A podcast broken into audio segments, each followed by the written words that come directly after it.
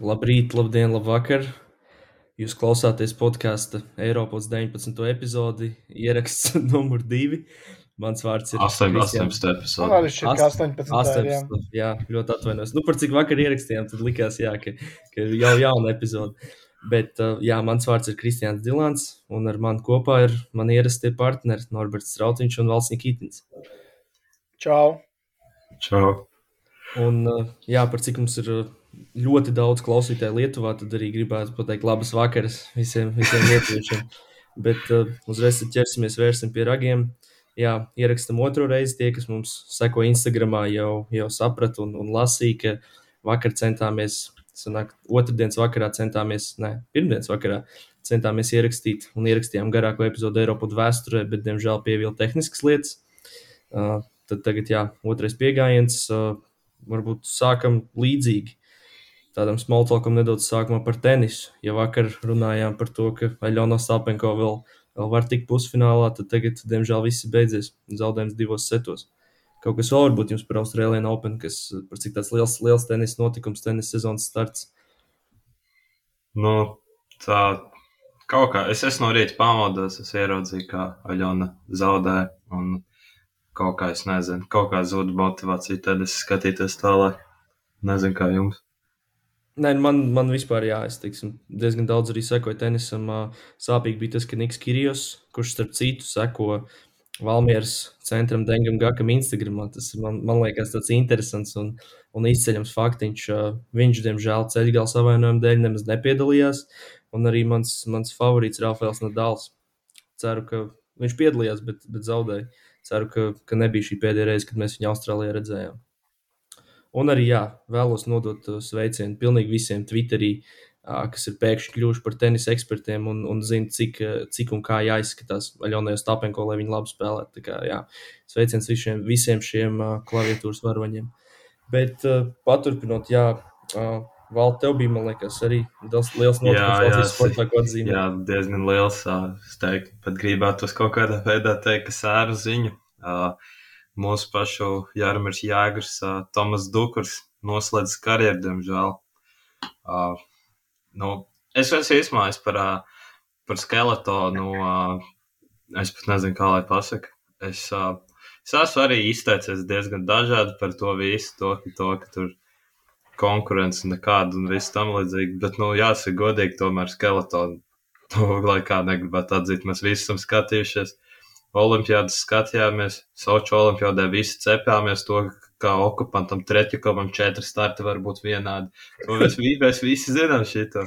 Tas Nu, bija kā- valsts televīzijā. Bija Tas bija, nu, tas bija svarīgi. Bet, nu, tā kā, nu, es, es, es esmu tiešām daudz, daudz ko teicis viņam. Ne šeit, varbūt, bet kā kopumā. Un, un tomēr, jā, varbūt nedaudz žēl, ka tagad vispār viss šis uh, skeletons mums, principā, viss aizvārds ciet.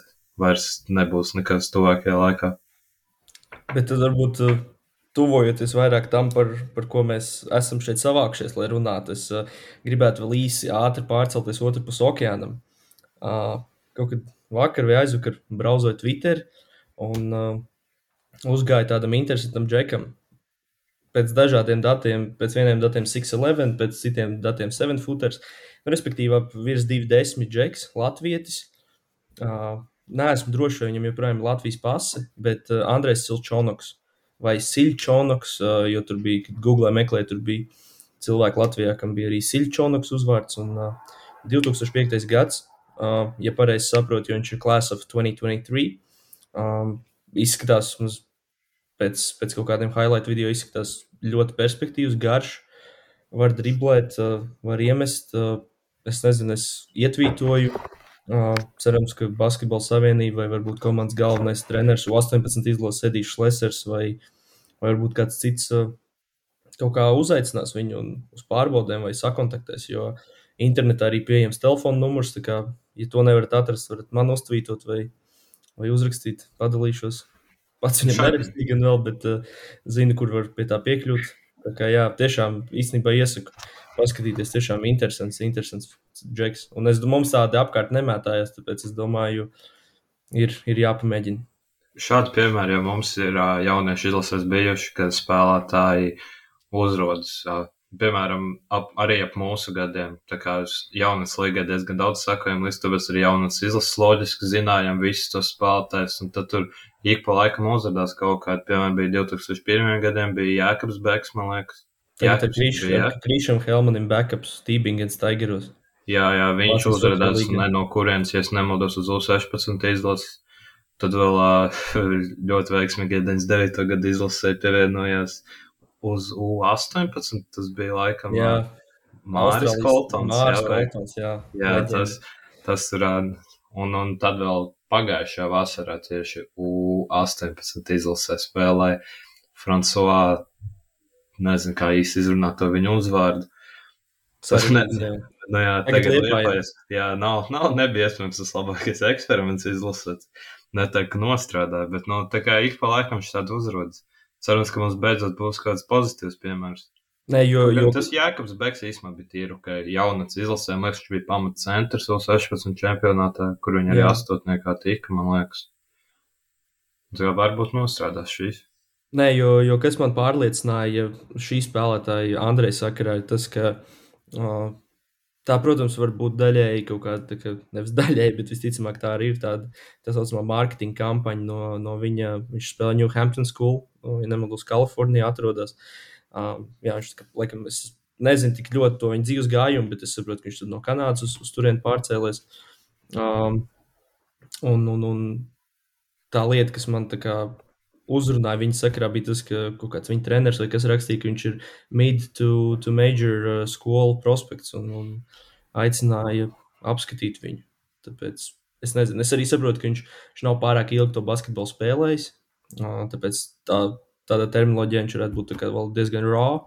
Bet uh, es domāju, nu, cik es redzēju, man liekas, ka tur, tur ir materiāls, jā, un arī, ja, piemēram, uh, par Frančiskā šķiet, tur bija Viņam iespējams bija, ok, viņš bija Eiblos spēlējis un tā tālāk, bet uh, īrijā, es domāju, nu, paši saprotam, kāda tā konkurence ir. Tad uh, no Amerika ir Amerika. Protams, tur arī ir, ir dažādas skolas, un ir arī latvieši, kas ir, kas ir kaut kādā bezsakarā bijuši McDonald's All American. Es īsti nezinu, kā tā sistēma strādā, kā viņas izvēlās, bet es domāju, es saprotu, par ko es runāju. Un, Un tad redzot kaut kādas highlights YouTube no tām All-American spēlēm, tad tu īsti nesaproti, kā tur var būt Latvijas. Bet, uh... Nē, bet tas nav tur, tur uh, tās All-American spēle. Tā ir tikai viena, ja es nemaldos, jā, kur ir, uh, man liekas, bez mazliet 24 labākie prospekti, cik es saprotu. Bet tur to, jo to All-American tur iekļauj, tur bija ļoti daudz. Kā jau teicu, Latvieši arī tā, tādi, kuri jaunas izlases no spēlēšana, tur tika All-American. Un, un Bet es īsti kopumā, es godīgi nu, nezinu tik ļoti par tiem, kā viņiem tā vidusskolas sistēma līdz galam strādā. Tur uh, viņi kaut kā spēlē savā štatā, laikam, jā. Un tā tur beigās sajiet kopā kaut kā. Tad vēl visam pa vidu EU vasarās. Nu, tas ir vasarās, jā. Jā, un tad tur tad diezgan grūti saprotam, kā viņam tur viss. Nē, nu, jebkurā gadījumā es teiktu, ka būtu interesanti šādu džeku vismaz pārbaudīt, pasaukt, jo uh, Principā izvēle, man liekas, ir diezgan vienkārša. Pieņemsim, ka viņam ir arī Kanādas pilsonība. Kanādā tu esi, ja viņš ir tiešām labs un ja viņam tiešām ir, ir tāds potenciāls, tad Kanādā tu esi viens no daudziem. Kā mēs paši zinām, Kanādai tagad ir, tad, kad mēs runājam par izlasēm, kā mums komentāros norādīja, Kanādā aizmirsām pieminēt, Kanādā ir ļoti spilgts sastāvs šobrīd, un Kanādā viņš būtu teiksim, viens no daudziem, bet Latvijā viņš būtu nu, uzreiz jau teiksim, augsta, augsta līmeņa. Uz Olimpādu gan Kanāda netika. Viņi, viņi Vācijā zaudēja vai kam? Horvāti, nē. Es neesmu neatceros. Bet es atceros, ka viņi netika. Nē, nē, jā, viņi netika. Jā. Bet viņi zaudēja, man liekas, pat pusfinālā jau. Jo pēc tam tie, kas izslēdz, tie labi, nav tik svarīgi. Bet uh, kaut kas vēl ievadvārdiem varbūt. Pagarāks ievads sanāca. Un tad ķeramies klāt varbūt gandrīz divu nedēļu veciem notikumiem uh, par 19. kārtu. Uh, es gribētu uzreiz sākt ar, ar Virtus Olimpijākus spēli. Uh, Virtus, uh, nu jā, paši jau saprotat. Bija klātienē. Bija klātienē, jā, pievīla man kārtēju reizi. Bet uh, tur es teiktu, ka laikam uh, svarīgākais parunāt par, par to ceturto ceturdaļu. Boloņa atnāca atpakaļ no, no desmit punktiem, mīnus desmit atspēlēja, izvirzies arī vadībā. Uh, galotnē ļoti interesanti tiesnešu lēmumi. Uh, Ko jūs varat par, par to pateikt? Nu, tas bija iespējams. šo sezonu top, nu, viena no sliktākajām svilpēm. Jo, nu, šī tā, to, ko tur nosilpa sodu semi audžulē, vai kā, kā, kā vakardien ierakstā teica, pazudušajā, kā Latvija komentētāji teica, ojelēja. Jā, jā. Es nemaldos tā, tā viņš tika nosaukts. Tā, tā tika izrunāts viņš. Jā. Jā, šādas sodas basketbolā kā tādā nevar dot. Un tīpaši tu vēl tagad spēlē izšķirošie noteiku, no notikumi, tad tu vienkārši nevar, nevar kaut ko tādu. Tur vēl bija dīvaini tas, ka es vispār teiktu, ka pilnīgi nevienam no spēlētājiem nebija piezīme jābūt. Ja Audželija leca, noķēra bumbu un tad gaisā satriecās ar uh, Papa Nikolau, laikam tas bija. Jā, jā, Jā. jā. Un, uh, nu, es nezinu, es nebiju redzējis, ka iedot piezīmi Džekam, kurš noķer bumbu un pēc tam satriec uh, gaisā, ja iekšējā kontaktā. Es kaut kādā ziņā saprotu, ja iedot Papa Nikolau, es stilu dom, tā kā domātu, ka tā nav pareizā svilpa, ja ka nevienam ne otram nav jāsvilp, bet ka iedot Džekam, kurš noķer bumbu un pēc tam tu satriecies, nu, man tas liekas ļoti, ļoti dīvaini. Un šī bija viena no izšķirošajām mača epizodēm. Tas bija jau uh, bija, tas bija pats pēdējais minūtes sākums, un, ja es pareizi atceros no noteikumiem, tad tiesneši var arī paši iet skatīties atkārtojumu. Un tur bija tā, ka pilnīgi visa arēna tajā brīdī domāja, pirmajā brīdī, Virtusam bija piezīme norma, viņi domāja, ka, ka sots ir pret uh, semiju. Es arī tā domāju. Jā. Tas bija pats pats sākums, un pēc tam, uh, nezinu, nu, 10-15 sekundes vēlāk, viss sāk apjēgt, ka sots ir semī, nevis pret viņu. Un uh, Papa Nikolau dabūja divus sodus, un, ja nemaldos, abus iemet. Un starpība arī šajā mačā bija divi punkti. Pēc tam, protams, uh, tiesnešu, uh, teiktu, tiesnešu izgājieni nebeidzās, jo, uh, ok, nē, nevar tik ļoti vainot tiesnešu tajā, ko izdarīja Milošs. Nu, Jā, redzējām. Milošam arī bija savs izgājiens. Bet Milošs to izdarīja, okay, nedaudz viņa attaisnojot. Es gribētu teikt, ka viņš to izdarīja tāpēc, ka viņš domāja, ka tiesneši neskatīsies atkārtojumu. Nu, Jā, bet tā, tā nu, kā būtībā- aiz- aizejot nedaudz tā kā no attaisnošanas uz viņu kā vainošanu, tiesneši vismaz man kā skatoties televīzijā, kā bija diezgan pārliecinoši izties, ka tiesneši, viens tiesnesis, ā, es neatceros, tas bija tas, kas bija stuvāk bumbai, vai otrs nosvilpa un iedeva bumbu Olimpijākus. Un tad tur varēja redzēt, ka tie tiesneši viņiem kā bija domstarpības, ka viņi kā abi, viņi tur divi tiesneši, viņi savā starpā kā vēl gāja viens ar otru runāt, lai kā apspriestos, kas būs, kas nebūs. Un tad tajā momentā, kad Milošs redzēja to visu, tad viņš, viņš izdomāja to, to ka gudrākais basketbola ziņā, gudrākais lēmums, ko var pieņemt, ir iespērt bumbu pa baneri. Jā, nu tiem, kas uh, neredzēja vai neatcerās spēli, būtībā situācija tāda, ka bumba iziet autā no Olimpijākos, tiesnesis iedod bumbu Olimpijākosam un rāda, ka ieskatīties atkārtojumu. Un uh, Milošs, manuprāt, neredzēja to, ka tiesnesis rāda, ka viņš ieskatīties atkārtojumā, kam pienāks bumba. Un tāpēc Milošs dodas ies par, uh, pa bumbu, kas trāpa pa baneru un uzreiz saņem tehnisko piezīmi, kas uh, arī lielā mērā izšķir maču. Un, uh, Nu, es nezinu, manuprāt, tik pieredzējušam spēlētājam, kā Milošam, ir jābūt uzmanīgākam galotnēs. Viņam tā arī bija otrā tehniskā piezīme. Un, uh, nu, nezinu, ja tu esi Eirolandā, tev jābūt, manuprāt, ir pieradušam, ka regulāri tiesneša galotnēs ies skatīties atkārtojumus, un kamēr tu neesi simtprocentīgi drošs, nu, tev ir jāpārliecinās, manuprāt. Nu, Milošs kopš atkārtojuma ieviešanas nemaz Eirolandā tik daudz nav spēlējis. Varbūt, viņš, varbūt viņš nav pieredzējis, bet okay, nē, tas tā puspē jokam. Bet uh, pirmo piezīmi, pirmo tehnisko jau viņš arī dabūja tieši tajā brīdī, kad uh, Oģelēm iedeva sodu. To, kas bija burtiski pusminūte iepriekš nu, no spēles laika. Tā kā viņš bija vēl joprojām manām uzvilcies. Un, un vēl kas interesants šajā sakarā, tad uh, pirmkārt Šakils Makisiks paņēma uz sevi uh, uh, izskaņā nokārtoja spēli, es teiktu. Un uh, interesanti tāpēc, ka, piemēram, pirms spēles parādījās informācija, ka nespēlēs Lukas, kurš arī beigās nespēlēja, un Vezenkovs, jo viņi bija saindējušies, viņiem bija kaut kāds vēdra vīrus vai kaut kas tamlīdzīgs. Vezenkovs, protams, ierodās, ielika galdā dubultdabulu un, un, un brauc mājās ar uzvaru. Un, uh, jā, kaut kā tā. Kaut kas man izkrīt no galvas, ko es gribēju teikt, bet nu, labi. Nu, mēs arī varbūt- īstenībā tajā galotnē var pateikt, ka Oģela īsumā viņam bija divas lieliskas epizodes. Tur bija gan, gan pēc, pēc Miloša izgājiena, kad uh, Olimpijāks iemet sodiņu, un tad uh, Virtus uh, savā uzbrukumā Oģelai iemet 2 plus 1. Ok, tas sots man likās arī nedaudz apšaubāms, ka tur drīzāk viņu varēja nedot. Un pēc tam vēl ļoti labi Lorents Sāki, jeb kā viņu sauc grieķu par Le Leriju kaut kādu, viņu nocēla. tā kā tā vietas uzlika pressingu un ļoti labs čais non bloks bija. Bet, Bet, bet nu, tajā Nē. Lorēns saka, metienā īstenībā tur bija kaut kāds 10 sekundes līdz beigām, laikam viņš pēc viņš varēja tam- nemest arī. tā Kā, Jā, viņš, viņš varēja nemest tieši tā. Bet tas, kā tagad skatoties atpakaļ, spēles epizodē, man liekas, pilnībā loģiski, ka viņš meta, jo tur vēl viņa tam presingam tika diezgan labi pāri, un viņš atupās viens zem groza. Un tā Oģelē viņš vienkārši viņš pārlidoja pāri laukumam, un viņš vēl nobloķēja tā, pēdējā, pēdējā brīdī pi- pirms gold ending. Tā kā visi cieņi par to. Un, Un pēc uh, tam vēl nākamā epizode bija, kad Virtus nāca pāri, Lundbergs uh, tādu kontaktu lejupu nomet garām. mm, Nu, tāds Savāca 50-50. bumbu uzbrukumā vēl. Bet jā, un uh, atdeva Mikijam, un Mikijam bija salīdzinoši brīvs pustālais metiens. all lai time greatest game winners. Tiešām Ievestu fantastiski. bumbu pagarinājumā, bet, nu, ne tuvu grozu stīpē viņa pustālais nelidoja. Es, es piedodu to, varbūt uh, mamam Žaitē vai Bako, kuri, es teiktu, ir sliktā. Nu, viņi kā arī uzbruk no pustālas distances, bet Mikijs vēl, vēl iet ārpus ārkas un met arī tālos. Šādi tā ļoti slikti, manuprāt. Bet, Nu, Sastresojās, Džeks. Nu, jā, Nu, bet es, nu, viņš tomēr ir profesionāls basketbols. To vajadzēja. Man liekas, sliktāk gadījumā es teiktu, nu, pa stīku būtu forši trāpīt. Vai pa vairogu vismaz. Viņš bija, pil, viņš bija pilnīgi, pilnīgi brīvs. Jā, tad tā Viņš kā brīvi uzlabē uzstāvot, to nu, minimāla programma, manuprāt, ir trāpīt pa vairogu. Nu, kā tas ir kā absolūts minimums, kas tev ir jāizdara. Tas arī nav labi, bet nu vismaz.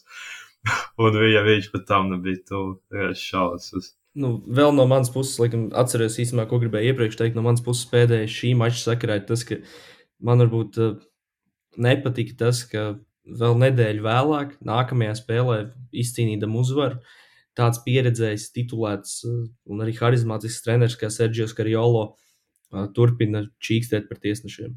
Nu, viņš atgādināja pēcspēles intervijā par to, ka, ka, ka Virtus tika apzakts pret Olimpijākus. Nu, es kā viņu saprotu, bet nu, tā, ir, tā ir daļa no, no tava darba specifikas. Kā, nu, Bet tu vienkārši samierinies šogad- ar to un ej tālāk. Nu, tu ne, neko citu neizdarīsi. diezgan nepatīkami šogad, ka par to diezgan daudz tā kā ir jārunā par tām tiesnešu kļūdām. Man šogad tiešām liekas, ir tā salīdzinoši diezgan daudz. It īpaši man liekas, pēc, Bet es teiktu, pēc ka tikai šausmām, kas bija Eirobasketā, man liekas, to, ka te būs pilnībā kaut kas cits, bet tāpat diezgan regulāri kaut, kaut kādas tādas lietas notiek. Es teiktu, ka rudens bija tīri ok. Vienkārši tagad pēdējā laikā mums ir palicis prātā tas uh, Mirotičs ieskaitītais tālmetiens pret Cervēnu, tagad uh, šī spēle, un tāpēc varbūt mums ir tā sajūta, ka daudz problēmas. Bet es teiktu, ka, ka rudenī mēs daudz ne par ko nerunājām. Varbūt izņemot tā piezīmi, kad uh, Valencijas asfalta spēlē, kad uh, meti pa. Uh, Es tagad aizmirsu, kura komanda uzbruka. Laikam Valencija met pa grozu un Valencija, metienā izmet kājas un dabūja piezīmi, ja, un asfalts iemet uh, divus sodu metienus. Tas vēl bija interesanti, bet varbūt ka pareizi. Bet, nu jā, es teiktu, ka kopumā, ka pēdējā laikā tas problēmas. Pirms tam bija diezgan ok. Tad varbūt, uh, Nu, nevar salīdzināt ar Eiropas.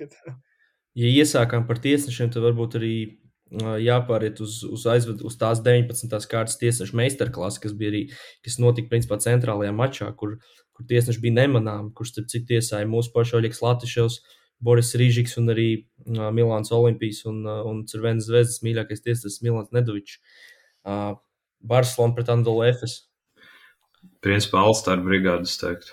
Jā, nu, īsumā Gan tiesnešiem, Efes- gan spēlētājiem. Efes dominance 36 minūšu garumā. Nu, 35, 100%. Nu, Nu, jā, tur jā, dominē. Jā. Tur, tur man, es īstenībā biju ļoti vīlies par Barcelonu līdz tām, līdz tām pašām beigām. Jo, jo tur nevienā brīdī man īsti neradās kaut kāds iespējas, ka Barcelona būtu gatava uzvarēt vai ko tādu. Viņi EFS iesāka, man liekas, 11-0. 9 Jā. bija. Ah, okay. Un tad, tad vienkārši tur viņi to pārsvaru noturēja līdz tām pēdējām piecām minūtēm, kad Barcelona pietuvojās, to pietuvojās tuvāk arī, bet man liekas, ka viņi tika līdz mīnus trīs, varbūt mīnus divi bija tuvākais. Es tagad neatceros, bet nu, viņi netika priekšā vai neizlīdzināja rezultātu nevienu reizi. Un par to, piemēram, kā viņi sākumā iegūto pārsvaru, kur spēlētāju FS drausmīgi sodīja aizsardzībā. Mirotičs, tas bija Precīzi. interesanti. Viņi jau no pirmās minūtes ļoti mērķiecīgi uzbruka Mirotičam, mēģināja viņu iesaistīt, cik vien iespējams. Ba Barcelona mainījās daudz pikantrolos, un tad Mirotičs palika viens pret viens pret uh, Šeinu Lārkinu vai Vasu Miciču. Un tas sagādāja problēmas arī kaut kādos vienkārši off-ball skrīnos. Viņš iekrita. Un, uh, tad būtībā Šārs, man liekas, visu piecinieku nomainīja pēc tam 0-9 sākuma, kas uh, nav tik bieži parādība Eirolandā. Un uh, Vils Klaibuns iesaisties spēlē tikai 9 minūtē apmēram. Un, uh, vispār neaizvadīja tādu izteiksmīgu maču un netika pie tik daudz metieniem. Un es teiktu, ka FSM joprojām būs jāatrod un jādomā, kā apvienot šo lielo trīnieku, Micičs, Lārkins, Klaibuns. Jo tagad ar Lārkinu atgriešanos nu, tur rodas kaut kāda tāda tā kā cīņa par to, kurš būs otrā viola, galvenais palīgs Micičam. Un, uh, es domāju, ka viņi atradīs, bet uh, nu, viņiem ir jā, jā, jāatrod veidi, kā spēlēt kopā. Bet, eh, ok, es teiktu, ka tā ir. Es piekrītu tev, ka tā ir noteikti arī kaut kādā mērā viņu problēma. Bet es jebkurā gadījumā teiktu, ja, piemēram, mēs skatāmies playoff virzienā, nu, nu visticamāk, viņi tur būs iekšā. Bet tu noteikti, manuprāt, kā pretinieku treneris, tu negribi uh, sērijas garumā vai, vai, es nezinu, kaut vai Final Four schēmu to, kā spēlēt pret šiem Jā. spēlētājiem. Jo, jo tas, ka Klaiburns bija varbūt neizteiksmīgs šajā spēlē, tas nu, pavisam noteikti negarantē to, ka viņš tāds būs arī sezonas turpinājumā. Un tev ir, un tev ir trīs, trīs pavisam noteikti top 10 spēlētāji Eirolandā vienā komandā, kuriem ir arī ļoti labi ieroču pienesējs, teikt, šobrīd.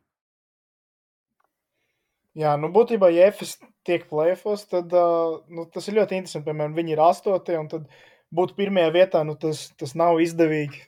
Tā nav laba situācija, kur būt. Un, uh, nu, būs ļoti interesanti. Bet vienkārši man liekas, ka nu, okay, tas tā bija liekas, vienīgās pilnā spēle, kas redzēs ar viņiem trīs, ka viņi visi spēlē. Man kaut kā liekas, ka viņam trietā reizē var būt tas kā, es nezinu, vai tas strādā līdz galam. Man liekas, ka viņiem būtu ideāli, ja, es nezinu, tas pats Klaiburns, piemēram, nāk no beņķa, viņi varbūt 40 minūtes tur būtu laukumā viens džeks, kurš var viens pats iemest jebko. Bet tas arī būs, tas nemainīsies. Viens no viņiem vienmēr būs laukumā. Tas ir skaidrs. Tagad nebija, nebija, nebija tā, ka tad, kad Lārkins bija ārā, ka bija reizes, kad uh, Klaiburns nāca no beņķa. Jā, jā, tad bija. Bet, viņš, bet man liekas, biežāk nāk no beņķa. Nu, jā, tāpēc tā arī domāju. Bet man liekas, ka viņi vienkārši tā kā. Tu vari, tu vari jebkuru no tiem duetiem salikt kopā, un tas strādā, bet trietā es īsti nezinu ja pirms sezonas mēs runājam, piemēram, par Monako, ka viņam trīs bumbas vajadzēs reizē laukumā un spēlēt, tad uh, EFS tas ir tas pats, bet vēl uz steroīdiem. Daudz, daudz smagāk viņam to sadalīt. Bet es teiktu, ka tas trijo arī kopumā ir jaudīgāks. Teiksim, ja, nē, nē, tu, ja, ja, tev ir, ja tev ir divi galvenie džeki, piemēram, viens ir Maiks Džeims, un otrs ir Vasa Mīcičs, tu viņus, piemēram, noņem malā un tev paliek Šeins Lārkins un Klaiburns un, un Okobo un, un Lloyds. Nu, Šis īstenībā ir interesanti, jo kaut kad mēnesi vai divus atpakaļ es klausījos interviju ar Jordanu Lloydu, un viņam tieši uzdevu šo jautājumu. Ja spēlētu 3 pret 3 uh, Monako trīnieks pret FS trīnieku, kurš uzvarētu, nu, viņš teica, ka viņiem būtu bijušas problēmas ar uh, augumiem, ka kādam no trīs maziem spēlētājiem ir jānotur klaibuns, bet, uh, nu, tik un tā Lloyds teica, ka viņam patīk viņa cerības pret uh, FS nu, trīnieku. Ma Maiks paņemt uz sevi, kā jau viņam patīk klaibuns, tas ir viņš čoms. Jā, nu, droši vien. Es īstenībā gaidu to otro spēli viņu starpā. Tas būs ļoti interesanti. Bet uh, vēl interesanti, kā, kā Barcelona atgriezās spēlē pašā beigās. Tas bija laukumā, bija principā otrais units. Oskars da Silva, uh, cilvēks, kurš iespējams ir viena no lielākajām. Es domāju, Barcelonā noteikti ir liela vilšanās šajā sezonā, nu, jo, jo principā viņš tika ņemts kā šmita aizvietotājs. Viņš ne, ne, nerāda ne pusi no tā, ko, ko dara Rols. Ok, labi, neslīdāsim ar Rolu Žalgarī šobrīd, bet uh, nu, Es domāju, ka viņi noteikti gaidīja vairāk no viņa. Tīpaši vēl ņemot vērā to, ka ilgu daļu sezonas ārā bija Mirotičs. Jā. Viņš, ok, šajā spēlē viņš pavilka uz, uz beigām, viņš, viņš palīdzēja pievilkt, bet, nu, nezinu, ilg, ilgtermiņā viņam arī jā, viņš garu līgumu, man liekas, noslēdz. Nu, gan jā. Tur, es atceros, bija viņš, man liekas, Brīnes bija laukumā, Horijs Higgins. Kas Jokubaits vēl... nebija? Jokubaits arī, jā. Veselīs, Kaliničs, kaut kas, kaut kas tam līdzīgs. Ok, nu kā Kaliničs, Veselīs, viņi tādi, nu, borderline starter, principā arī, arī uh, Higgins, bet, nu, nu jā. Um, kas vēl mums 19. kārtā uh, Monako katastrofāls zaudējums Belgradā. Jā, diemžēl, diemžēl. Šī to spēli es, uh, es nostājos pirmo puslaiku. Es vienkārši, nu, tad pēc tam arī sākās, sāk, sākās kaut kas cits, atceros, man liekas, ka reāli spēlē, tāpēc es tāpat būtu pārslēdzies, bet tas Protams. man, man nāko izsties mokoši. Vienkārši skatīties viņus, tur bija pavisam bēdīgi. Tur tiešām viens spēlētājs visu tikai bet, tur, man liekas, visiem skaidrs, kurš bija tas viens, un viņš arī Džons vienā Brauns. brīdī, Džons Browns tieši tā, un Blossom Games. bet bet uh, Maikam Džeimsam vienā brīdī viņš bija viens pats auts, viņš bija iemetis pirmkārt visus manāko punktus, kaut kādus pirmos deviņus, ja es nemaldos, viņš vēl bija iemetis vairāk nekā visas zvezdas komanda. Tas, man liekas, pasaka diezgan daudz par to, cik daudz viņam tajā spēlē bija palīdzības. Plus vēl, kā es saprotu, tas bija uz, uz pohām. Norbert, varbūt var pastāstīt Nē, vairāk. nu, to jau nevar zināt. Vienkārši tas, ka pirms spēles jau tika publicēts bildes, ka Maiks Džeims iepriekšējā vakarā ir bijis um, klubiņā Belgradā. Nu, mēs jau nezinām, ko viņš darīja, kā viņš izklaidās. Varbūt viņš vienkārši pasēdēja, parunājās ar meitenēm vai vēl kaut ko. Jau Tur tām, bet tur uz tām pohām tas var arī ļoti individuāli, jo, piemēram, mums visi- Valters? Kristaps Valters, kā jau mēs zinām, Kristapam Valteram nekad pohas nav bijušas. Tik daudz, tā kā tur situācijas var būt visādas. Tā kā nevar uzreiz teikt to, ka Maiks bija, ka viņš no rīta sāpēja galvu un gribēja ūdeni dzert ļoti. Varbūt viņam bija viss ok. Armāns Čels, starp citu, arī, piemēram, viņš, es atceros grāmatā, viņš teica, nu, rakstīja savā, ka viņš aizvadīja nakti tajā brīdī Essentialais pieņem, un pēc tam nākamajā dienā izlases, izlases rīta treniņa testos vislabākos rezultātus uzstāda. Man liekas, ka tur kā- arī bija vakar spēle kaut kāda pret, uh, man šķiet, ka pat pret Krieviem un bija 16 acis un uzvar Latvijai. Kaut ko tādu man vismaz atmiņās ir. Jā, tā kā tas ļoti individuāli. Tur tā kā tas, tas nav, tas nav tik, ā, tik. Nu, re, Man, nu, mēs nezinām, ko Maiks darīja, jā, bet uh, viņš vienīgais no Monako labi spēlēja, un uh, pārējie viss bija sūdīgi, bet uh, Cervēna pilnībā izģērba uh, Monako, ļoti labi saspēlējās, Vildoza atgriezās, vairākas skaistas epizodes uztaisīja, un, uh, lai kā negribētu tos atzīt, bet uh, Cervēna bija daudz, daudz labāka komanda tajā dienā un pelnīt arī izcīnīja uzvaru. Bet, ap citu, man tagad valsts, kad pieminēja Armāns Čēlu un testus uz pohām, ā, atgādināja vienu interesantu gadījumu. Ja atceraties, man 18. dzimšanas dienu, tur bija ā, kāds šobrīd borderline Latvijas izlases ā, futbolists. Un, uh, es nesaukšu vārdos, uh, iztiksim bez. Es domāju, tie, kas, kas, ir, kas bija vai ko, vai tie paši sapratīs. Uh, teikšu tā, ka viņš, šajā manā dzimšanas dienas pasākumā uh, atļaušos izmantot vārdu nodominēja. Un, uh, un nākamajā rītā viņš arī, arī komandas testos esot bijis labākais. Tā runāja ielās. Tā kā, tā kā, jā, tas laikam ļoti individuāli no cilvēka atkarīgs. Varbūt uh, Maikam tas ir tas tieši, kas, kas palīdzēja nospēlēt labi. Bet varbūt paturpinot nedaudz ballīšu tēmu, ja, tad uh, Šausmas. es, man, liekas, man ļoti, liekas ļoti interesanti, ka, piemēram, Maiks Džeims, cilvēks, kurš ikdienā dzīvo Monako, aizbrauc uz Belgradu, lai patusētu. Nu, labi, nē, nu, protams, viņš brauc tur galvenokārt spēlēt basketbolu, bet uh, es ļoti šaubos, ka, ka Belgradā ir kaut puse no tās naktas dzīves, kas ir Monako. Nu, Belgradā lētāk ir. Tur var arī. Bet kā, tas... Viņš kā, karalis var dzīvot. Es pieņemu. Monako, Maiks Džeims, lai arī es pieņemu, ka viņš tā kā priekš kaut kādiem, es nezinu, nu, priekš, piemēram, mūsu standartiem viņš ir ļoti bagāts, bet priekš Monako vidē iedzīvotāju standartiem viņš ir principā kā vidējais Latvijas, bez mazliet pa iztiks minimumu viņš tur dzīvo, ja salīdzinot Nu, pārējiem, kas tur Monako ir. viduslāns faktiski. Tur bija Nu, laikam Monako lielākā viņš miljonāra koncentrācija pasaulē. nemaldos. Tur ir, jā, tur, tur Maiks, tur Maiks nav tik neizceļās tik ļoti, bet Belgradā es pieņemu, ka viņš ir, nu, topā. Tā kā, tā kā viņš, ja viņš ierodas klubā, tad viņš ir tur, nu, tā kā top 10% bagātāko cilvēku topā. Un, ja godīgi zinot serbus, ok, es pieļauju, ka viņiem tur bija kaut kāds vīp galdiņš un tā tālāk, ka tur pie viņa nevarēja tik viegli piekļūt. Bet zinot serbus, es, es nebrīnītos, ja tajā naktī, tajā klubā bija kāds, kurš, kurš piegāja pie viņu un pateica tādā ar tādu serbisku akcentu, kam tu ir Vena zvezda. Vai, nu, kaut, kaut ko tam līdzīgu centās rekrūtot džeku. Nu, tas zinot serbus vienkārši un redzot vispār, ko viņi dara sociālajos tīklos komentāros. Tā kā, nu, jā. Um, tad varbūt 20. Ah, nu mums vēl ir uh, Vēl Milāna un, viena un lieta, ko es gribu pateikt. Jā, jā, jā. Ļoti labi, ka iepriekšējā podkāstā es teicu, ka Milāna nav nekas īpašs, viņiem viss ir beidzies un tam līdzīgi. Un, to es arī ir. pateicu, aizmirstot to, ka viņiem tūlīt ir jāspēlē ar kā es jau biju mazliet, mazliet uztraucies, ka esmu nodžinksojis kauņu žalgi. Bet uh, kauņu žalgi tik viegli nevar nodžinksot, un viņi aizbrauc uz Milānu. Uzvarēja, trīs ceturtdienas pilnībā dominēja, tad ceturtajā bija viņa atslābinājās, bet tam īstenībā nebija nozīmes. Milāna kārtējo reizi pierādīja, ka vairāk par 60 punktiem viņi gūt īsti neprot. Un uh, aizsardzībā viņi prot spēlēt, bet ar to nepietiek, ja tu nevari neko iemest. Un uh, Kančs Žalgiris pirmo reizi, nezinu, vai vēsturē, vai vienkārši kaut kāds pēdējais dekādas laikā, bet pat ar šādu laikam tas nebija izdevies. Uzvarēja Double Game Week abas divas spēles, un abas divas bija izbraukumā.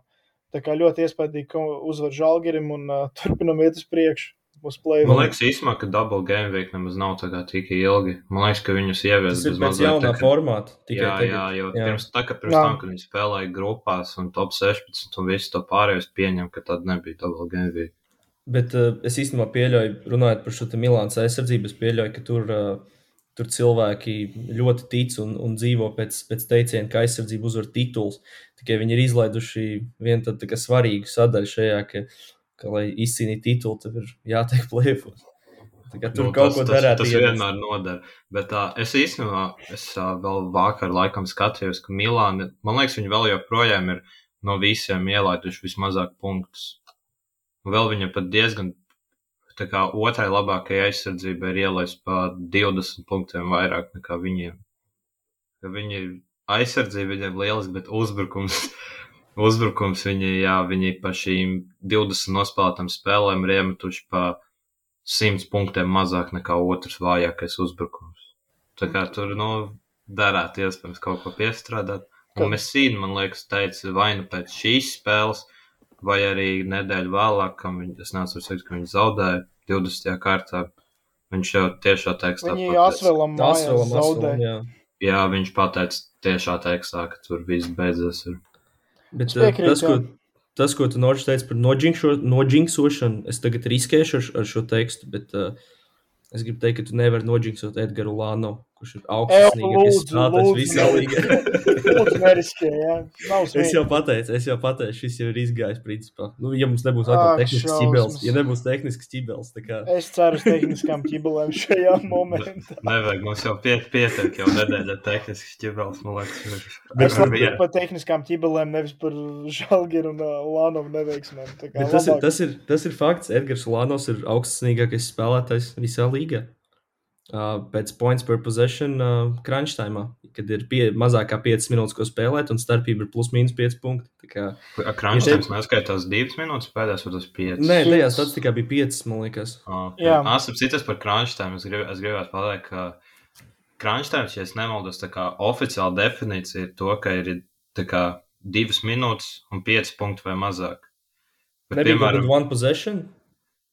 Nu, es, es nezinu, bet nu, pieņemam, ka 5 punkti. 5 punkti arī atšķirīgi skatās. Jā. Pieņemam, pieņemam, ka 5 punkti. Eirolīga, piemēram, kad tu skaties, viņi tajās tiešraidēs, viņi, man liekas, 90% spēļu parāda, ka ir crunch time pēdējās divas minūtes. Jā, jā. Es, es esmu redzējis, ka viņiem ir, piemēram, nu, divas minūtes, desmit punktus starpā. Nu, tu, kā, tu 99% gadījumu kā, tur, nu, tas nav crunch time, tur viss jau beidzies. Bet viņi vienmēr parāda, to, ka ir crunch time. Tas gan jau tāpēc, ka crunch time sponsorē Castrol, ja nemaldos, un viņam vajag parādīt viņus. Nebija krosāni. Kaut kā bija krosāni, tas 7 days. Man liekas, tagad ir Castro. Ah, okay. Tā, tā eļļas. Jā. Krosāni ir, ir spēles labākā epizode, ah, ja nemaldos, tā ir krosāni. Un uh, krosāniem ar Eiropas ir vesels turnīrs krosāniem ticis. Bet runājot par krāšņiem, uh, var gadīties arī citreiz, ka tu ieslēdz kādu Eiropas vadošo līgu, piemēram, ja nemalos Itālijas čempionātu. Un tad tu vari dzirdēt no komentētājiem to, ka krāšņs ir arī pirmā puslaika beigās, kas man liekas, ļoti interesanti. Jā, tā kāds no latviešu komentētājiem patīk šādi teikt viņa vienam. Uh, bet vēl, kamēr vēl neesam aizgājuši galīgi prom no Milānas, jo pieļauju, ka par, par zaudējumu par tās vēl nerunāsim, uh, parādījās informācija. Dejans Radoničs, Panatnaikas treneris, kuram īpašnieks ir atvēlējis visu savu naudu, lai kādu parakstītu. Viņš izteicās, ka, ka principā jau ir parakstīts spēlētājs, un visticamāk šajā nedēļā, ceturtdien pret Džāgeru, jau šis jaunais spēlētājs varētu būt komandā. Uh, Pēc tam šis spēlētājs netika vārdā nosaukts, bet vienīgais spēlētājs, kurš Panathinaikos sakarā, varbūt ir kāds cits, labojiet mani, bet vienīgais, kur es redzēju, bija šis Basas Neipieši. Un, un tagad atkal tieši šovakar parādījās informācija, ka Milāna jau ir kā, pēdējās līguma fāzēs, lai parakstītu šo Basas Neipieši. Sanāk, Radoņičs paliks pie sasistas silas. Visticamāk, jo tur mēs arī... gribu pagaidīt, jo pa Milānu arī Protams. ziņoja par Kempu, Vakaru, to, ka viņš principā jau bez maz vai jau formu ir uzlaikojis. Bet to Bet, diezgan nu, ātri noairēja. Nu, jā, jā, Nu, bet tā kā, pašā nu, dienā. Nu, nē, šī tā vienkārši vakarā parādījās ziņa. Tāpēc, es, nu, tur es Eirolīgā īstenībā vienmēr tur, tur tie, Nav tie, tā kā tie futbolā tā teikt, ir, tu, jā, nu, futbola Fabricijā, bet, piemēram, Eirolīgā tie sorsi ir tik daudz, tur kaut vai tur Twitterī, tur ir katrā, principā, lielajā basketbola valstī, gan gan, jā, Serbijā, Grieķijā, Turcijā. Tajā pašā Lietuvā visur ir kaut kādi savi tie basketbola žurnālisti, visiem vienmēr kaut kādi savi inside.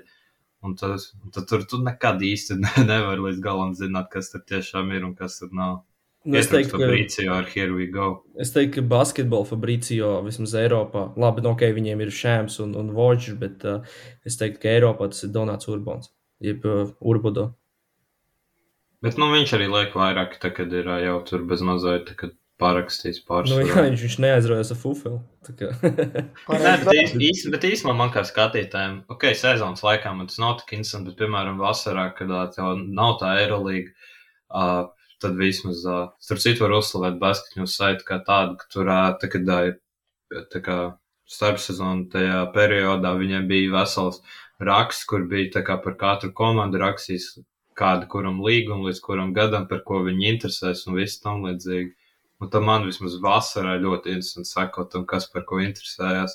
Kā mums Tur būs, pat vienalga, ka Fufels liels. Tāpat mums būs, arī, mums būs arī pirmajā Eiropas starpsezonā, tad būs, būs par ko pārunāt. Vajadzēs kādu, kādu epizodu mūsu uh, uzticamākajiem klausītājiem sarūpēt par, par starpsezonas pārējām. Uh, bet tieši ko mēs runājam pirms epizodes, ka, piemēram, no tāda nepiera prizmas. Pieņemsim, ka komanda piedāvā pusotru gadu līgumu, pabeigts šo sezonu un vēl nākamo. Un tev ir divi, pieņemsim, ka tev ir divi varianti - Milāna vai, vai Panathinaikos. Panathinaikosā visticamāk, tev būtu lielāka loma un lielāka brīvība, bet Milāna visticamāk uh, atkal būs uh, playoff contender. Pirms sezonas mēs par viņiem runājām Final Four sakarā, bet nu, šī sezona ir vienkārši katastrofāli neveiksmīga. Nu, Panathinaikos es īsti neredzu, kas tur ir starpsezonā jāizdara jau šobrīd, lai viņi reāli pretendētu uz, uz Final Four. Vai vispār uz playoffiem. Nu, Milāna, es domāju, būs atpakaļ. Bet tur par Milānu, par Milānu gribētu pateikt, ka tur ir uh, viens diezgan liels nosacījums. Tas, ka ja viņi atstāja to pašu treneru, tā, jo, jo mēs visi atceramies, kādu Milānu izsties pirms atnāca Mesīna. Tas bija savā būtībā tas pats Makabī, tikai viņi parakstīja vairāk eiropiešu.